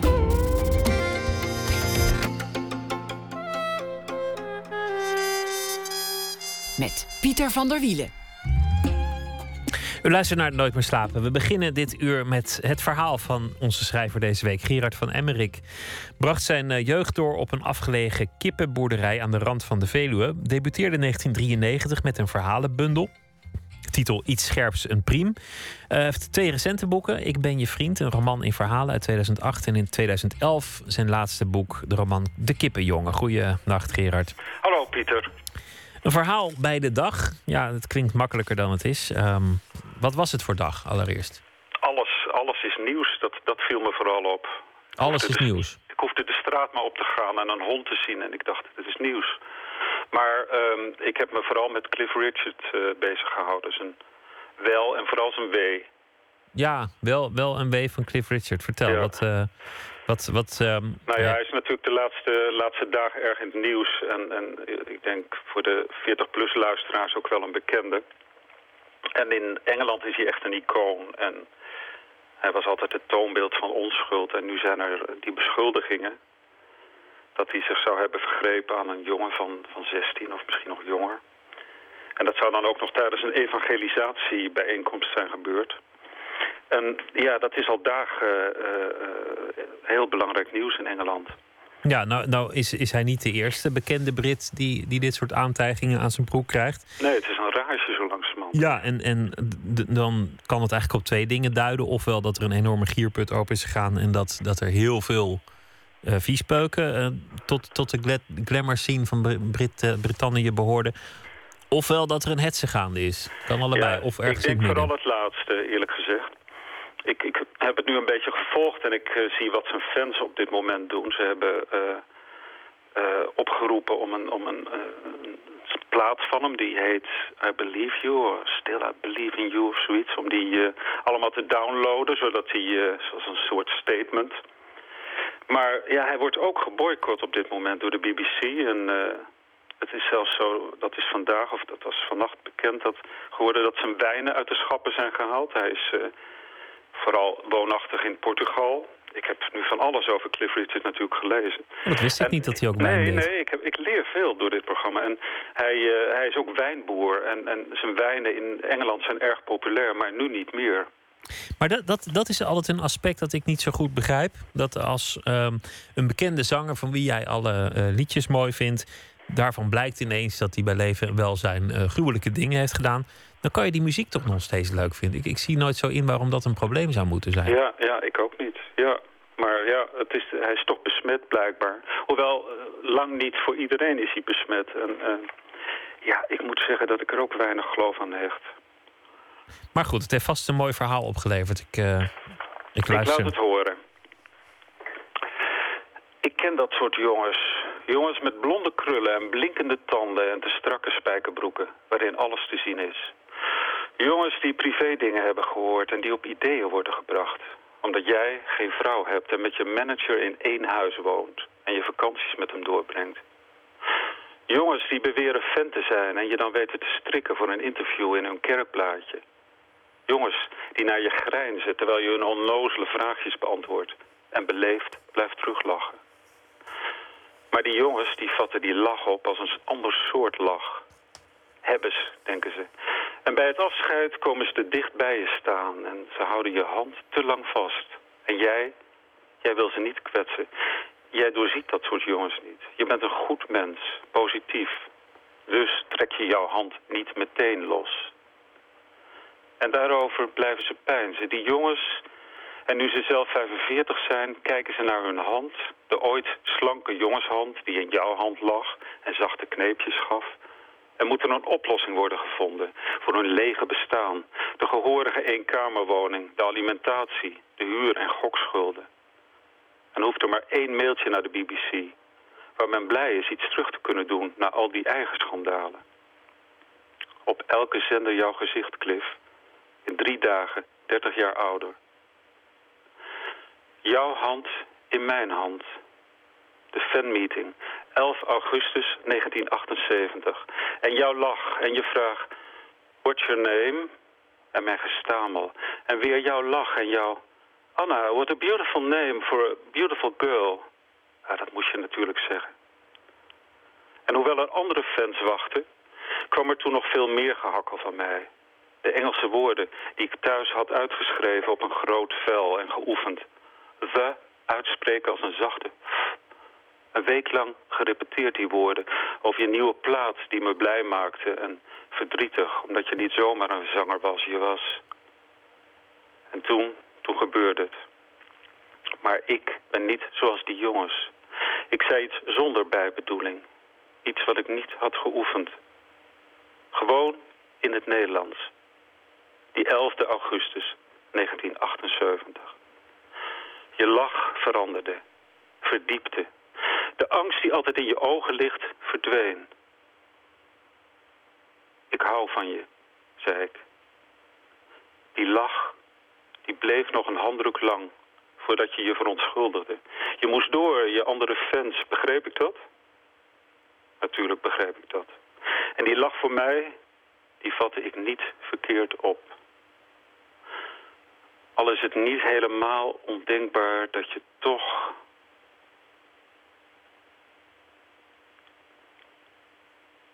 Toch, ja. Klaar hoor.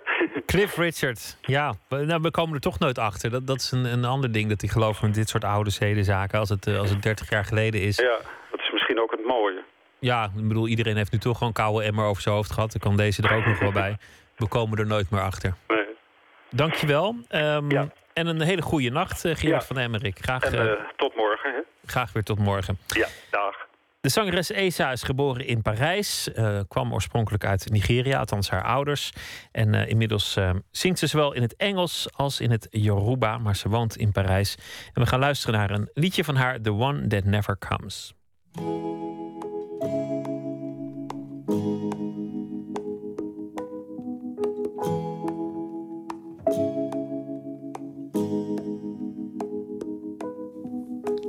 Why you wanna tell me all your secrets? Don't you know I'm a girl who never falls? Why you wanna pour your heart out to me when you know I'll hit the road every single time it calls? Tell me you're falling, cause I wouldn't know what to do with myself. Please don't tell me you love me. Cause I've been waiting, waiting, waiting for the one who never comes. Looked for love in all directions. But you've been here all along, so how could it be you? In my dreams, this was so different.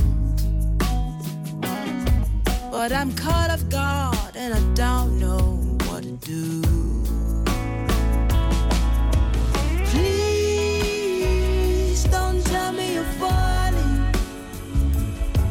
Cause I wouldn't know what to do with myself. Please don't tell me you love me. Cause I've been waiting, waiting, waiting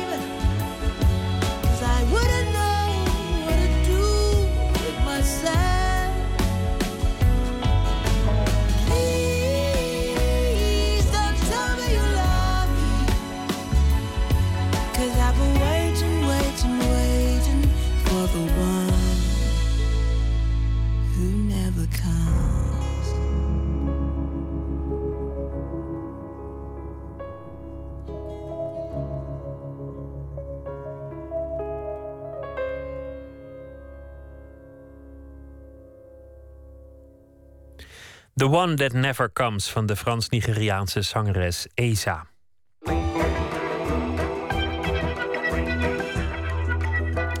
Het folkduo Tangerine heeft een nieuw album uit, titel Move On, hun zesde album alweer.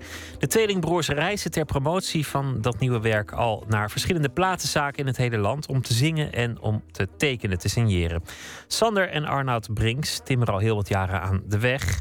Afgelopen jaar kregen ze landelijke bekendheid omdat ze de huisband waren van het populaire televisieprogramma De Wereld Draait Door. Onze verslaggever Nicole Terborg ontmoet ze in de platenzaak in Den Haag. Sue, heb je een klein beetje galm hierop ook? Galm. Haha. Haha. Nee, heeft hij niet. Maakt helemaal niet uit. Dit is, eh, dit is nog even soundcheck. Jullie zitten allemaal al, hè? Als je dan op het podium staat en je ziet zoveel mensen eh, genieten van je liedjes... en je, eh, je ziet mensen meezingen, weet ik wat. Dat is, dat is wel echt iets dat, dat, dat, dat je wel even realiseert van... eh, we hebben gewoon het mooiste beroep op aarde. Voor onszelf, weet je wel. En dat we dat mogen doen, dat is gewoon echt... Nou, dat is gewoon echt gek. We, moeten- we moeten even het geluid eh, eh, controleren en dan eh, gaan we straks natuurlijk eh, beginnen. Goed om hier te zijn, leuk dat jullie er allemaal zijn. Jullie, jullie zijn lekker vroeg, zodat iedereen, zodat je een stoel eh, is. Jullie hebben net een soundcheck gehad, hè? Ja. En eh, alle stoelen zijn gevuld. Hoe vind je dat? Ja, ik moet zeggen dat ze het hier goed georganiseerd hebben. Het is eh, mooi eh, druk bevolkt. Ja, het is toch altijd wel weer een eer als er eh, zoveel mensen eh, afkomen op, eh, op je muziek. Ik zou zeggen, laten we gaan luisteren naar Tangerine. Dat zijn twee broers, ik kon ze gelukkig bij toeval uit elkaar houden. De man in het eh, wit is eh, Arnoud. De man in het bruin is Sander. De eerste heet Eyes Keep Looking.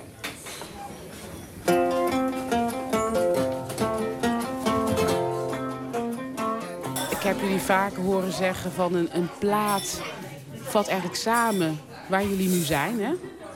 Wat zegt Move On over waar jullie nu zijn, waar jullie staan? Ja, het afgelopen jaar hebben wij een heel positief jaar gehad. Dus ik denk dat de plaat vooral het afgelopen jaar weergeeft. Ik naast dat wij eh, natuurlijk de wereld erdoor hebben gedaan... ehm, is er ook in ons eh, eh, privéleven gewoon heel veel positiefs gebeurd. En vooral na het uitbrengen van onze vorige plaat Ziek en Saai. Wat heel erg ging over, ehm, over de scheiding van vroeger en over ehm, de kerk waar we opgegroeid zijn. Ehm, daar hadden we wat dingen op te lossen. Dat is toen opgelost en eh, daardoor hebben wij eh, een fantastisch jaar gehad.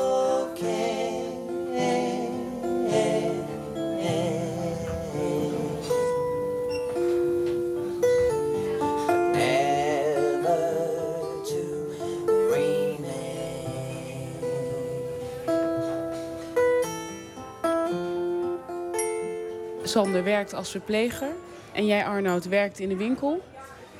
En op een gegeven moment namen jullie het besluit, weet je, wij gaan voor de muziek. Kan je dat moment beschrijven? Ehm, het, muziek is altijd iets geweest wat wij het liefst deden. Is altijd iets geweest wat, wat, ehm, wat aan ons trok. Wij schrijven denk ik al liedjes vanaf dat wij 12, 13 waren. En, ehm, maar goed, wij komen uit, uit een omgeving waarin het niet gebruikelijk was dat je, dat je muzikant zou worden. Of dat daar... Je kon je niet bedenken dat het mogelijk was om fulltime als, eh, als muzikant te gaan leven. Kan je uitleggen wat voor omgeving dat, dat was? Ja, dat, dat is een omgeving waar, waar eh, eh, weinig cultuur is, waar geen platenmaatschappijen zitten, waar geen boeken zitten. Ehm, waarin je heel erg zelf moet ontdekken hoe de, hoe de wereld, de muziekwereld werkt. Toen hebben we gewoon elk dorpshuis in Nederland hebben gebeld en, eh, en, en concertjes georganiseerd. En gezorgd dat we in de lokale krantjes stonden. En, eh, en, en, en we namen zelf de apparatuur mee en dat, dat regelden allemaal zelf. En we, zetten zelf de stoelen klaar en zorgden dat de zaal weer opgeruimd was, weet je. En dan speelde je voor 10 mensen of soms 50 of zo, weet je wel. Maar het grootste verschil is ook dat je in die tijd moesten ons nog heel erg bewijzen voor de mensen. Mensen kenden ons niet, dus ehm, en dat is nu wel anders. Want nu komen gewoon mensen naar je shows toe. En is toch, dat is, dat is toch anders. En prettiger natuurlijk. ook. Nou, kijk eens, alsjeblieft. dankjewel. Leuk dat je er was. Jo, hoi. Sander en Arnoud. Ja. Wat goed voor jou. Ja. Je bent een van de weinigen die het weet. Ons uit elkaar houdt. Jullie hebben net hier gezongen. Nu zitten we in het café van eh, de platenzaak. En wat ik net heel erg grappig vond... eh, je zag wat dames van rond de 60, 70... die veranderden in kleine meisjes toen ze, ze deze lieten signeren. Zag jij dat ook, Sander? Eh, ja, dat zag ik ook. Ik vind het ook heel leuk dat wij... eh gaat lachen.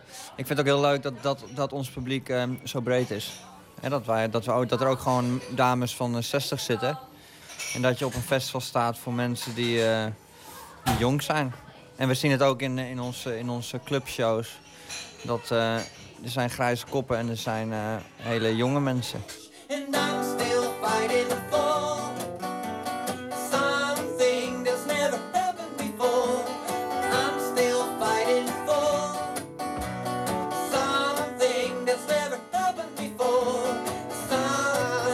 zilver busje. Waar gaan we nu naartoe? We gaan nu naar, eh, naar Delft. Wat is nou eigenlijk jullie grootste droom als het gaat om muziek? Poeh, ik vind dat, dat vind ik wel een hele lastige vraag. Want ehm, ehm, wij doen eigenlijk al wat we, wat we wilden. We, ik wil, we schrijven muziek, we kunnen daar eh, eh, van leven, we kunnen het podium op.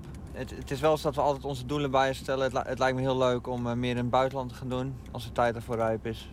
Maar eh, ik weet niet of, ehm, of wij nu niet eh, onze droom aan het leven zijn. Ik denk dat dat, dat op dit moment wel zo is. Zeg je dat mooi? Nee, dat vind ik ook. Weet je wel. Het is gek genoeg is als je jong bent, weet je wel, dan, eh, dan woon je in Assen en dan begin je een beetje muziek te maken. En dan is je droom is om ooit op Radio Assen te kunnen spelen. En dan sta je bij Radio Assen te spelen en dan heb je het idee dat de hele wereld meeluistert. Maar dan heb je dat gedaan en dan heb je weer een nieuwe droom, weet je wel. Dus het heeft telkens met stapjes te maken. En ik denk dat je gewoon nooit eh, uitgedroomd bent. If I could change for the better by making the best of my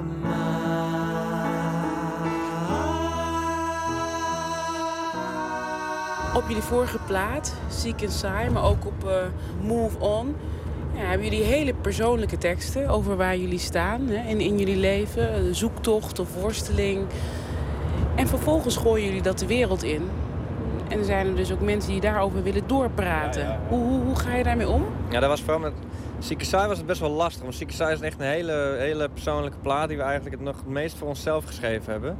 En ehm, dat, dat, was zo, dat ging zo persoonlijk dat we het ook eigenlijk helemaal niet zo leuk vonden om daar, daar in de media over te praten. Terwijl natuurlijk iedereen wou weten waar het over ging, weet je wel. Dus die interviews waren va- vaak niet zo leuk. Ehm, waardoor we heel erg ehm, de drang hadden om een, wat positievere plaat te maken. En, en zo is Move On dus ook ontstaan. Waar trouwens inderdaad ook wel wat liedjes op staan die, ehm, die niet al te vrolijk zijn. Maar goed, ik bedoel gewoon, weet je, overal is het een hele, heeft een hele positieve lading. Maar Dus Move On is eigenlijk weer een reactie op Ja, de ja, ja, reacties op jullie vorige plaat. Ja, absoluut. Ja. Maar dat is, weet je wel, dat zeiden we eerder ook. Het is echt het, zo'n plaat omschrijft altijd het moment waarin je zit. En, eh, en, en dit is het moment eh, na het moment van Ziek en Saai. En ehm, we hadden daarom heel veel zin om Move On de wereld in te gooien en, eh, en daarover te praten. Dus omdat het gewoon veel positiviteit heeft en omdat we ook gewoon zo in elkaar zitten. Looking for truth in the answer. Looking for light in the shade. En eh, de vorige plaat was dus heel erg het, het zoekende. Maar dat eh, heb ik eh, bij de- deze plaat ook wel een beetje. Dat je nog steeds eh iets hebt van we zijn er nog niet. We, we zijn nog eh, on, on the road. Letterlijk hè. Ja, maar dat is ook iets, zo zitten we ook in elkaar hoor. Ik bedoel, we zijn echt van die zoekende mensen en dat zal wel nooit eh, veranderen. We waren net in Den Haag. We zijn nu op weg naar Delft. En jij vertelde afgelopen jaar dat eh, op persoonlijk gebied er ook heel veel veranderd is. Wat dan? Ehm, op, eh, een van de grootste dingen wat, wat eh Seek and Sight teweeg heeft gebracht... is dat wij na 18 jaar onze vader weer, weer hebben gezien. Dat, dat is denk ik het grootste ding wat Seek and Sight teweeg heeft gebracht. Na 18 jaar, want hoe is dat dan gekomen dat jullie hem weer in jullie leven kregen? Dat is eh, eh, persoonlijk. En daarom, eh, weet je wel, dat is precies wat ik net vertelde. Want die plaat Zieke Saai is gigantisch persoonlijk. En er zijn heel veel mensen in onze omgeving die die plaat begrijpen als geen ander. Dat heeft met, met de kerk te maken. Dat heeft met de scheiding van mijn ouders te maken. Al dat soort dingen. Het is zo persoonlijk, weet je wel, dat we op een gegeven moment eh, gewoon, gewoon dat niet fijn vonden om dat allemaal toen moeten melden in de media of zo. Want dat is, weet je, gaat gewoon te ver. Alleen, weet je wat een muzikant die doet, die omschrijft zijn gevoel in zijn liedjes. En eh, soms is dat zo persoonlijk dat je dat ook gewoon eh, in de liedjes moet laten. She's now lying in her silky bed. She's just looking at the river knowing that the end is close at hand. Je vertelt net, Ziek en Saai was eh, heel persoonlijk. Waar het gaat over jullie worsteling. Hè. Je komt uit een christelijk gezin, gebroken gezin. En dat vertel je allemaal in je teksten op cd. En daarna komt de buitenwereld en die wil er van alles over weten. Hoe ga je om met die spagaat? Hoe doe je dat? Nou ja, dat is iets wat je meteen realiseert op het moment dat je allemaal van die vragen krijgt. Is ja, weet je wat, er zitten allemaal mensen thuis eh, die we kennen en die, eh, die, eh, die delen dezelfde eh, lasten als wij eh, hebben op dat gebied, weet je wel. Dus daar ga je rekening mee houden en daar wil je rekening mee houden, want eh, ik bedoel, het zijn wel je, je naaste mensen, weet je wel. Ik geloof dat wij ehm, in, onze, in onze muziek één zijn, maar we hebben ook absoluut onze eigen rol.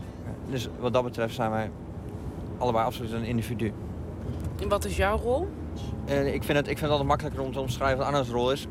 Omdat ehm, ik vind Arnoud, een, eh, ik vind Arnoud textueel beter dan, eh, dan dat ik ben. Ik vind dat hij daar altijd... eh, ja, hij is, hij is daar beter in. En ik, ik geloof dat ik eh, Maar goed, eh, ik, ik heb liever dat Arnoud zegt waar ik goed in ben. Dus eh, dan mag je de vraag naar me stellen.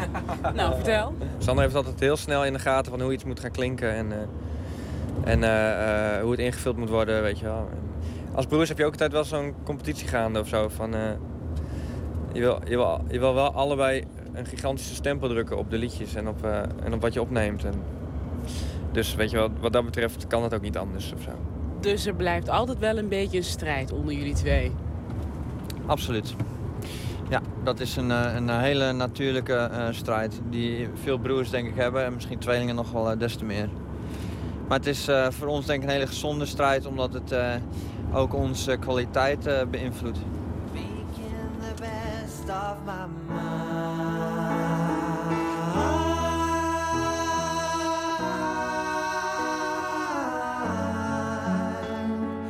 Making the best of my mind. Looking for truth in the answer. En jullie hebben ook wel eens gezegd, nou, ik denk dat we los van elkaar helemaal niet zo goed zouden zijn. Ja, heeft Sander gezegd. Jij niet dus. Heb ik niet gezegd, nee. Sander, verklaar, verklaar je nader.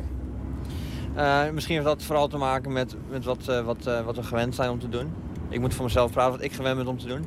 Ik ben gewend om samen met Arno muziek te maken. Als ik dat alleen zou doen, dan, dan, dan zou daar wel een stuk onzekerheid erbij komen. Maar goed, misschien heb ik daar dat een keer in de vluchtigheid gezegd. Misschien moet ik daarover oordelen als we het echt een keer gaan doen. Zou dat ooit kunnen? Zou je dat voor kunnen stellen? Nou, wij, wij, zijn altijd bezig met, eh, met ideeën opschrijven, wat we, wat we nog zouden kunnen doen voor liedjes of eh, ideeën voor, voor wat voor album we zouden kunnen maken of wat, eh, wat we zouden kunnen gaan doen qua optredens. Ehm, en een keer wat apart doen, dat, dat, is, dat is een van die ideeën.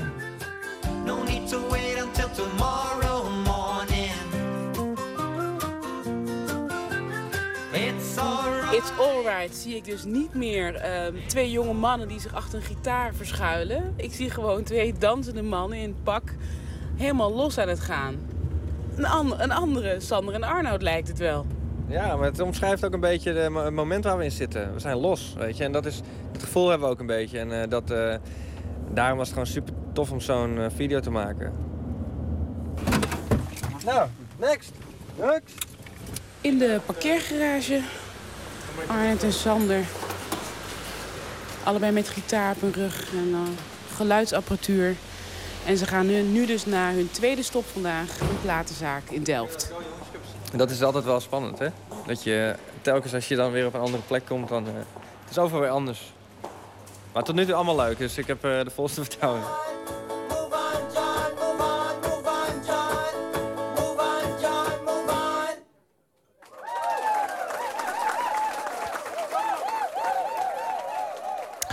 Tangerine met eh, een nieuw album. We gaan ook maar even luisteren aan de vooravond van een eh, clubtournee naar een liedje Eyes Keep Looking.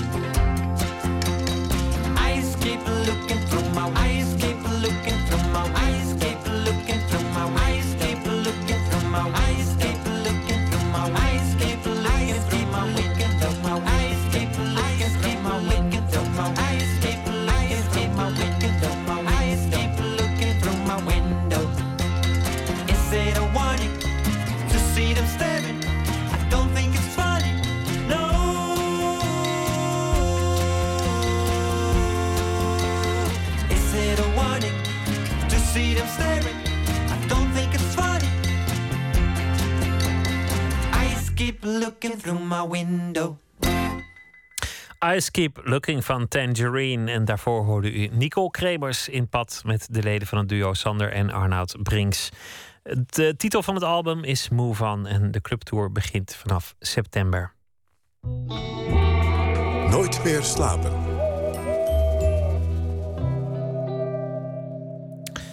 Anton de Goede is onze nachtcorrespondent. Hij bericht over gebeurtenissen in de wereld van kunst en cultuur. Hij wil het vannacht hebben, Anton, goeienacht, over outsiderkunst... en over de wereldvermaarde Stadshofcollectie. Al jaren niet meer te zien in Nederland, maar binnenkort wel te bekijken in Parijs. Wat, wat is dat, de Stadshofcollectie? Ja, de Stadshofcollectie, dat is een collectie van Museum de Stadshof in Zwolle. Maar dat museum dat bestaat al een jaar of 15 niet meer. Daar heeft zich ooit een schandaal afgespeeld. Als ik me goed herinner, zijn ze daar betrapt op eh, een heleboel keer met één en dezelfde museumkaart steeds langs één scanner te lopen. Eh, of iets van die naart, waardoor ze ten onrechte geld opstreken. Het is een schandaal geworden. En vraag me niet naar de details. Hoe dan ook, dat museum is toen gesloten. Zo'n jaar of 15 terug. Dat is wel een, een hele straffe sanctie voor, voor een beutje fraude. ja, ik, ik weet niet. Ja, er was geloof ik meer aan de hand. Maar eh, het, het is geschiedenis. Het is voorbij. Maar de mooie collectie, Ehm, die, die ligt natuurlijk nog ergens. Die collectie die ligt nog ergens en dat is eh, zogeheten outsiderkunst. En museum bestaat niet meer, subsidie is er niet. En wat moet er nou met die collectie? collectie? Er is een paar jaar geleden wel een mevrouw geweest, een Maaike Koelewij.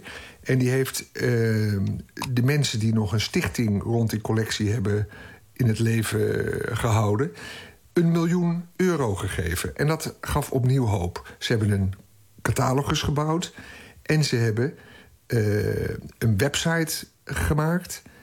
En op 17 september opent er zowaar een grote overzichtsexpositie van de collectie in Parijs, in La Halle Saint-Pierre. En dat is een museum speciaal voor die outsiderkunst, dus daar past het ook heel goed. Door deze aandacht in Parijs hopen de mensen achter de collectie misschien weer ooit een podium in Nederland te krijgen. Zichzelf weer eh, in het zonnetje te zetten. En misschien dat dat lastig kan worden, want we hebben het nog een keer over outsiderkunst. Wat is dat nou eigenlijk? Een kunsthistoricus die daar gespecialiseerd in is, is Jos ten Berge. Die is inmiddels ook benoemd tot voorzitter van de collectie. En vanmiddag vroeg ik Jos ten Berge, die lesgeeft aan de VU trouwens, hier in Amsterdam. Ik vroeg hem hoe hij deze tak van kunst definieerde. Luister. Ik zou het het liefst eh, bij gebrek aan een eh, alternatief dat, eh, dat, dat wil inburgeren... het liefst zo definiëren dat het gaat om werk die buiten het professionele kunstcircuit tot stand komt. Dus werk dat, waarvan de makers niet een kunstacademie achter de rug hebben... die niet bij galeries aankomen, die niet speciaal musea benaderen... of, of proberen hun werk aan de man te brengen, maar dat eigenlijk voor zichzelf doen... en dan bijna heel romantisch worden ontdekt door eh, anderen die daar iets in zien... wat ze zelf misschien helemaal nooit hebben gezien. Heb je daar voorbeelden van die wij allemaal kennen?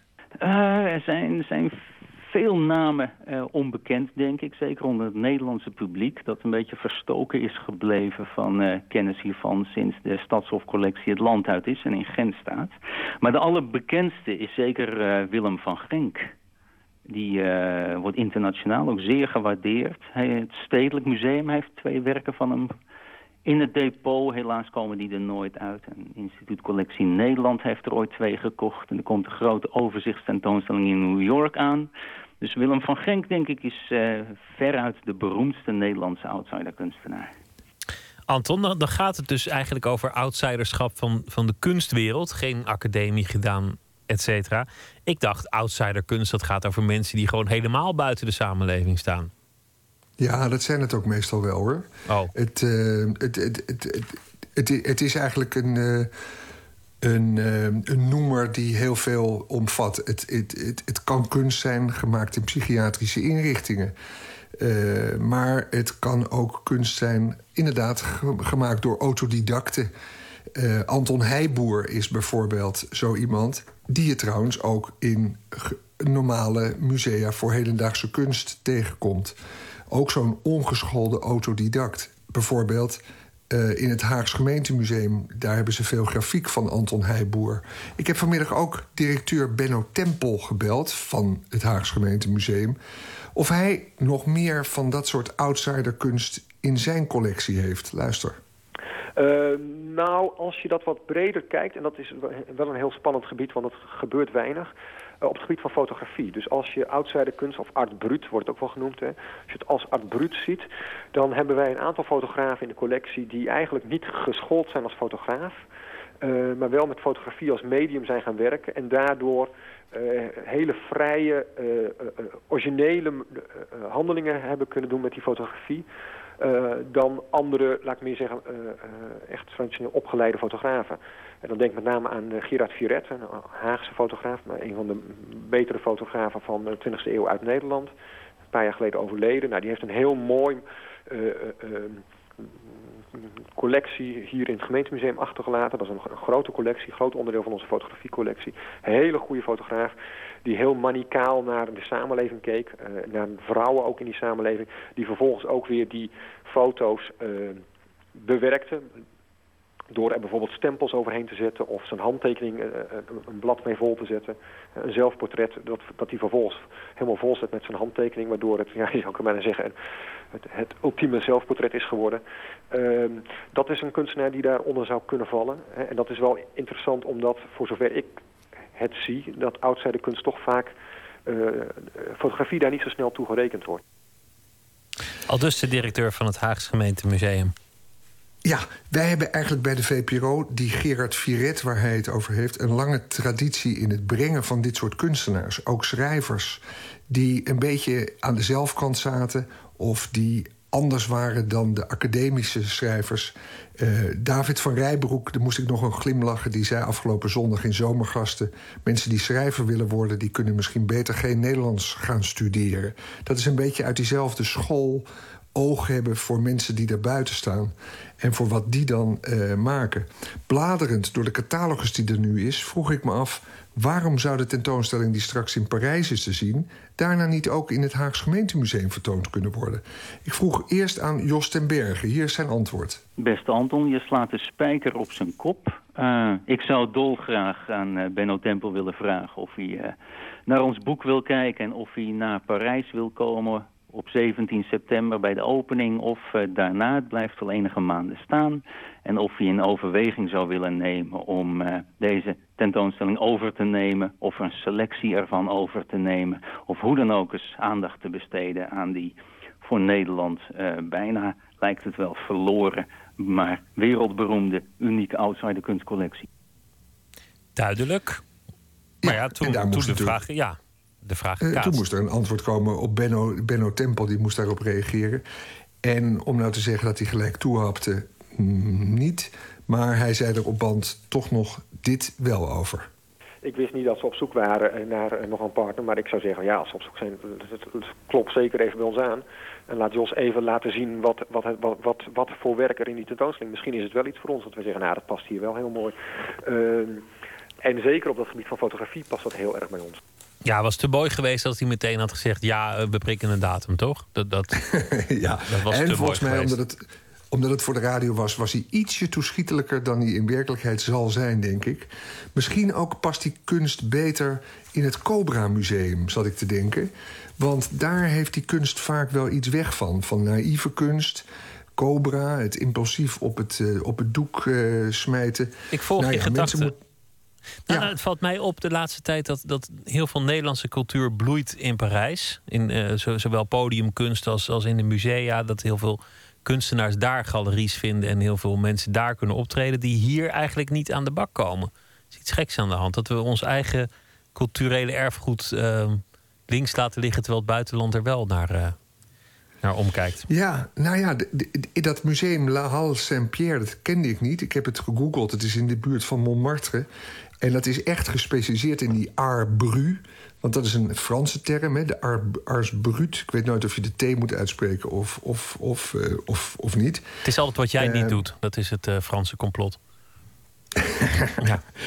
Maar dat museum is echt gespecialiseerd in deze kunst. En als je kenners spreekt, dan zeggen ze van ja, wat dat museum eh, eh, de Stadshof had, was echt, dat behoort tot de tien beste collecties in, in, in deze tak van kunst. Eh, de, de, de beste staat in Lausanne. Daar heb je een, een hele mooie, beroemde collectie van die outsiderkunst. Maar die uit Zwolle mag er ook wezen. Ja, laten we hopen dat Nederland eh, toch af en toe ook dan weer...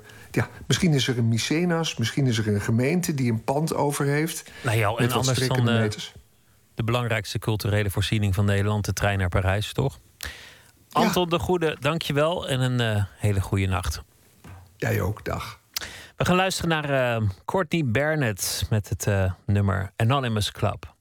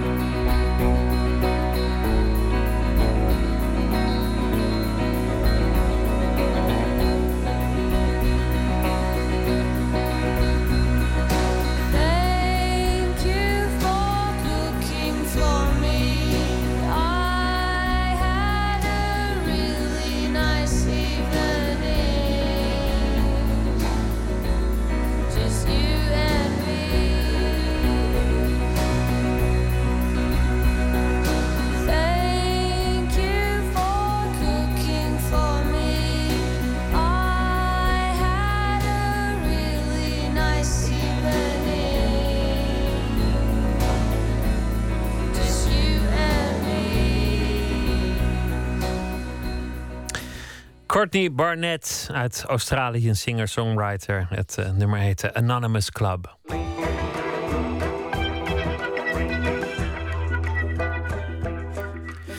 Deze maand wordt eh, herdacht dat 100 jaar geleden de Eerste Wereldoorlog uitbrak.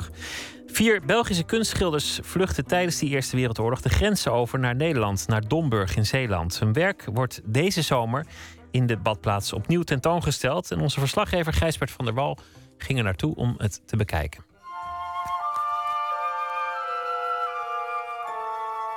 In het Zeeuwse Domburg, een beetje verscholen achter een druk straatje met souvenirwinkels en eethuisjes voor badgasten, ligt een van de leukste kleine musea van ons land, het Marie Tak van Poortvliet Museum. Het Maritak Museum is in 1994 opgericht. Bestaat dus 20 jaar. En dit is Francisca van Vloten. Zij maakte de tentoonstellingen. Ik ben conservator van het museum. En ik adviseer het bestuur ook. Want Francisca weet alles van Domburg en de kunst. Domburg is een kunstenaarskolonie. En dat is, kun je zeggen, de basis van het museum geweest. In de tijd van Domburg als kunstenaarskolonie... dat is voornamelijk de tijd van Jan Toorop, begin 20e eeuw... werkte hier in de zomer soms ook in de winter, veel mensen die Domburg een naam hebben gegeven in de schilderkunst. Denk maar aan Piet Mondriaan, Lodewijk Schelfhout, Jacoba van Heemskerk en ook buitenlandse kunstenaars. Eh, Ze hebben op een goed moment besloten samen te gaan exposeren. En daartoe hebben ze een gebouwtje opgericht, de Kunstzaal. Dat heeft bestaan van 1911 tot 1921. En in die periode werd vrijwel jaarlijks één of meer tentoonstellingen daar gehouden. En nu hoor je de beroemde kerkklok door Mondriaan vereeuwigd. Want Mondriaan was dus een van de kunstenaars die hier best wel lange tijd heeft doorgebracht. Dat gebouwtje ehm, stond tegenover het badpaviljoen. Dus bijna aan zee. Natuurlijk een prachtige plek. Meestal in de maand juli, soms doorlopend in augustus... werd er dan die tentoonstelling georganiseerd... van de mensen die hier gewerkt hadden in de zomer. En die toch ook hoopten op die manier een centje te verdienen. Dus het was een soort strandpaviljoen voor de kunst. Ja, dat niet, kan je- niet om frietjes te eten en pannenkoeken, maar om kunst te bekijken. Ja, dat, ja, zo kun je het zien. En het aardige was dus dat in die, bij die tentoonstellingen was werk te zien... wat voor, eh, schilderijen die voorstelden het strand in Domburg. Dus de plek waar je was, zag je vereeuwigd Klopt. op die... En, en klopt, en niet alleen Domburg, heel Walcheren. Want ze trokken echt wel erop uit. Zoutelanden, Veren, Westkapelle. En ze schilderden ook erg veel de, de boerenbevolking. En die prachtige Zeeuwse koppen. Dat was een van de belangrijke thema's ook. We zitten nu in de tuin van het Maritak Museum. En dat is een replica van het oude gebouwtje dat Torop heeft neergezet in 1911. Ehm, onze tentoonstellingen, we houden er twee per jaar. In het voorjaar vaak met een hedendaagse kunstenaar... die een band met Zeeland moet hebben. En in de zomer een, het liefst een historische tentoonstelling... zo rond de tentoonstellingen van Torop... of in elk geval de periode van de kunstenaarskolonie. Die periode viel gedeeltelijk samen met de Eerste Wereldoorlog... die een stel Belgische schilders naar Domburg bracht. toen de Eerste Wereldoorlog uitbrak in augustus 1914... en vooral na de val van Antwerpen... kwamen veel Belgische vluchtelingen naar Nederland. Ook veel naar Zeeland. Onder meer kunstenaars. Zo hebben in Domburg vier kunstenaarsfamilies gezeten. Niet de hele Eerste Wereldoorlog door, maar een groot deel daarvan. En deze vier families, daaraan hebben we nu de zomertentoonstelling van dit jaar gewijd. Dus vier eh, Vlaamse schilders die in... we, we lopen intussen naar binnen om de tentoonstelling te bekijken. Vier Vlaamse schilders die in Domburg een tijdelijk thuisland vonden. En dat is ook de titel die jullie aan de tentoonstelling hebben gegeven. Ja, dat kun je onder meer terugvinden voor mij in dit schilderij van Viera. Viera, dat, dat was een van die schilders, ja. Klopt, Emmanuel Viera. Daar zie je het strand, de zee, de paalhoofden. In de verte een bootje, vaag. En aan de overkant kun je Engeland vermoeden. Ja, vermoeden, hè? want dat zien we niet aan de horizon. Dat zie je niet. En je kunt nog iets vermoeden. Als je namelijk naast die paalhoofden zou gaan staan en je kijkt naar links... dan zou je knokken kunnen zien liggen. Het kanongebulder werd ook gehoord. Dus dat zal allemaal een rol hebben gespeeld bij, naar mijn idee... het, heimwee dat eh, uit dit schilderij spreekt, het verlangen. Dit schilderij vertelt dus eigenlijk het verhaal in een notendop. Want hier heb je een gevluchte Vlaamse schilder... die kijkt naar de Noordzee... en misschien in de verte inderdaad wel het oorlogslawaai in eh, Knokken hoort. Dus hij kijkt naar het motief dat hem verbindt met zijn thuisland. Namelijk die zee, hè? Ja. En eh, tegelijkertijd dus nogmaals met de overkant daar, Engeland. Want wat je namelijk ook zag, was dat eh, veel van de gevluchte Belgen keerden of terug naar België... of staken over naar Engeland, Vluchten nog verder. vluchtten nog verder. En sommigen gingen van Engeland dan weer naar Frankrijk... om van daaruit ehm, toch te vechten voor hun eigen land. De enige van de vier schilders die hier hangen... die echt aan het front heeft gezeten, was Frans Willems. Hij is ook de enige van de vier die die ervaringen in zijn werken heeft eh, weergegeven. Ik Dus, we loop even heel graag Ja. met je daar naartoe. Dus hij is eigenlijk een beetje een buitenbeentje in de tentoonstelling, hè? Ja, kijk, hier zie je bijvoorbeeld zes ontwerpen voor glasramen. Ja, je ziet het trouwens ook meteen in de, in de hele indeling van de tentoonstelling. Want er hangen allerlei gezichten op Zeeuwse dorpjes en zo. De Domburgse motieven, de zee enzovoort. En dan heb je hier, waar we nu staan, in de hoek... heb je iets, iets heel anders. Ja, ineens krijg je de oorlog echt voor je. Ja. En dat is dus het werk van die Frans Willems. Ja, kijk maar, hier zie je een ja, stad volledig in ruïnes. En de kruisen van de gevallen mensen daaronder. De lucht is bijna de kleur van bloed vermengd met vuur. Waarschijnlijk vuur, het vuur van de vernietiging. Dit is een, eh, vind ik, een heel aangrijpend, direct beeld. Deze ehm, ontwerpen die hingen overigens ook in 1915 in Domburg. En onder meer Jacoba van Heemskerk was zeer onder de indruk. Frans Willems is dus de enige van de vier kunstenaars... die hier in Domburg werk maakte dat eh, niet speciaal met Domburg te maken had... maar waar- waarin hij echt zijn oorlogservaringen verwerkt. Dat is inderdaad waar, maar hij maakte ook, net als de anderen... eh, tekeningen en, en aquarellen in zijn geval van de omgeving. Iets verderop zie je in een vitrine pentekeningen. Dat waren ontwerpjes voor een boek dat naar mijn idee niet is verschenen. Althans, ik heb nog nooit iets ervan kunnen achterhalen.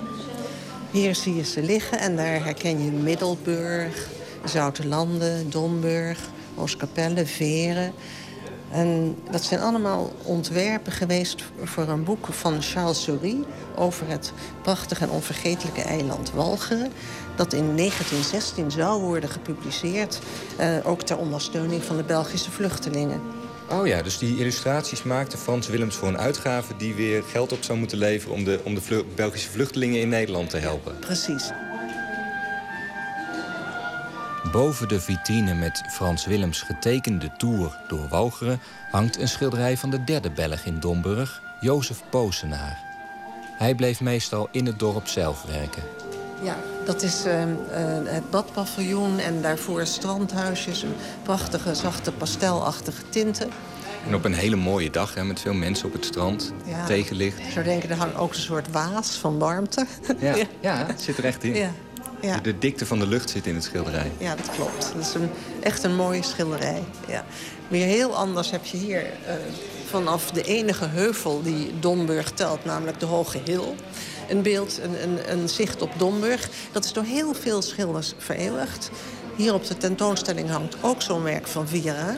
Ja. En, en waar we nu staan, eh, dat is een schilderij van dus Dat deze Jozef Posenaar. Ja. Ja, en daar zie je al dat hij enorm werkt, niet alleen met wolkenlucht, maar ook met, met het licht en de lichtval. Mhm. En dat is iets dat echt is ontstaan in zijn periode op Walcheren. Want de voorgrond van dit landschap ligt helemaal in de schaduw. En het, en het eh, dorp wat je dan verderop ziet, vanaf die, vanaf die duin, dat, dat baat inderdaad in het zonlicht. En de wolken daarboven ook. Ja, is een heel scherp contrast tussen schaduw en zon. ja en, en dat is eh, dus iets dat hij hier op Walcheren echt ontwikkelt. Hier heb je dan eh, park richting zee. Nou, daar valt ook natuurlijk de licht- en schaduwwerking op.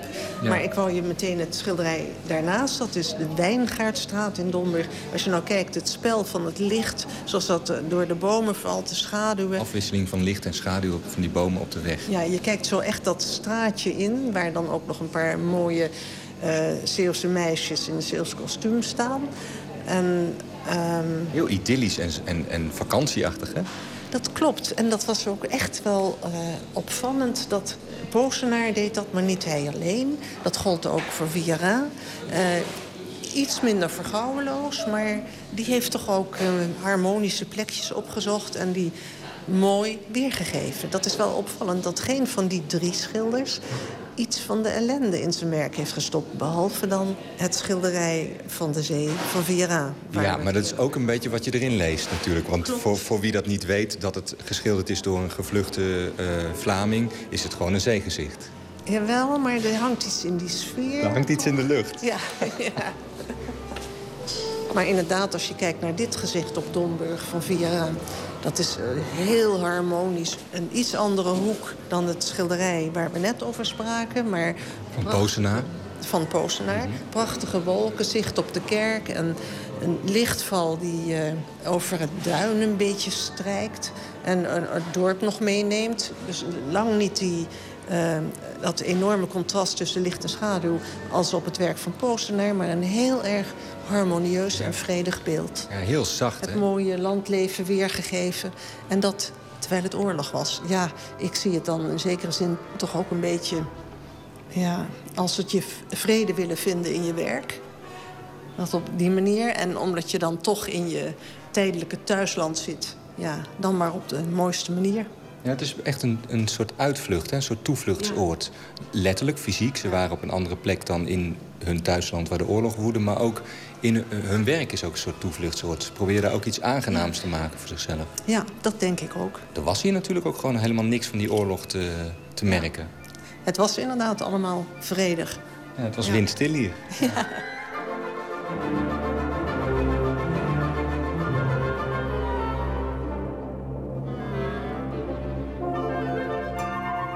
De vier Belgische schilders hadden ongetwijfeld contact met de Nederlandse kunstenaars in Domburg. Hun werk werd een paar keer tentoongesteld in de kunstzaal van Jan Torop. Maar Francisca van Vloten gelooft niet dat er een aanwijsbare invloed is van de gevluchte Belgen op Torop en Mondriaan en hun vrienden. Of andersom van de Nederlandse schilders op het werk van de Belgen. Maar ik denk wel dat ze erg beïnvloed zijn door het licht en de omgeving. Dat dat een, toch een verandering heeft veroorzaakt. Zeker wat betreft licht- en schaduwwerking in hun werken. Want het licht aan zee is heel anders dan, eh, dan in Antwerpen of Brussel. Zo is het, zeker in Domburg. Domburg ligt op dat stukje eiland dat relatief smal is... waarbij je eigenlijk het lichtval van twee kanten over het eiland hebt. Ja, je hebt natuurlijk dus de zee, de zee eigenlijk water rondom. Ja. En dat is een soort spiegel. Dus je hebt- krijgt het licht echt van, van beneden en van boven. Precies, ja. En het aan is, alle kanten door licht omringd. Ja, en het eiland is behoorlijk vlak. Dus als het licht daar overheen valt... en zeker als het dan een beetje van twee kanten valt... dan veroorzaakt het dat, eh, iets heel bijzonders in de lucht. En je hebt bovendien eh, veel zout in de lucht. Je hebt een soort transparantheid. Ik heb wel het gevoel dat eh, eh, we zeggen dat de bakermat van het neo-impressionistische luminisme... nou, dat is een mond vol, dus de lichtwerking op een moderne manier weergegeven... en dan veel ehm, met... laten we maar zeggen, de stippeltjes- en strepentechniek... dat dat hier tot bloei is gekomen in, tussen 1908 en 1911. Dat dat onder meer komt door deze, eh, dat zoutgehalte in de lucht... dat licht, hoe dat over het eiland valt. En En dat is ook het licht en de atmosfeer die we zagen toen we hier net binnenkwamen... in het eer- een van de eerste schilderijen waar we ja, voor het stilstonden. gezicht van Posenaar. Ja. Je zou kunnen zeggen dat het belangrijkste... dat deze Belgische kunstenaars hebben meegenomen van hun tijdelijke thuisland, hun toevluchtsoord... toch wel de interpretatie van het licht is geweest. Ze hebben het licht mee naar huis genomen. Ze hebben het licht gezien.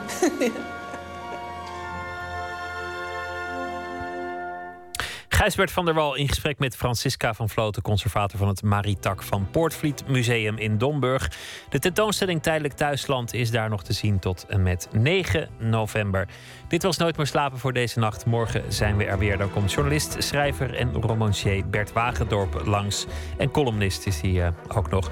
Straks op deze zender eh, BNL met Nog Steeds Wakker. Ik wens u een hele goede nacht, morgen een leuke dag en graag tot dan.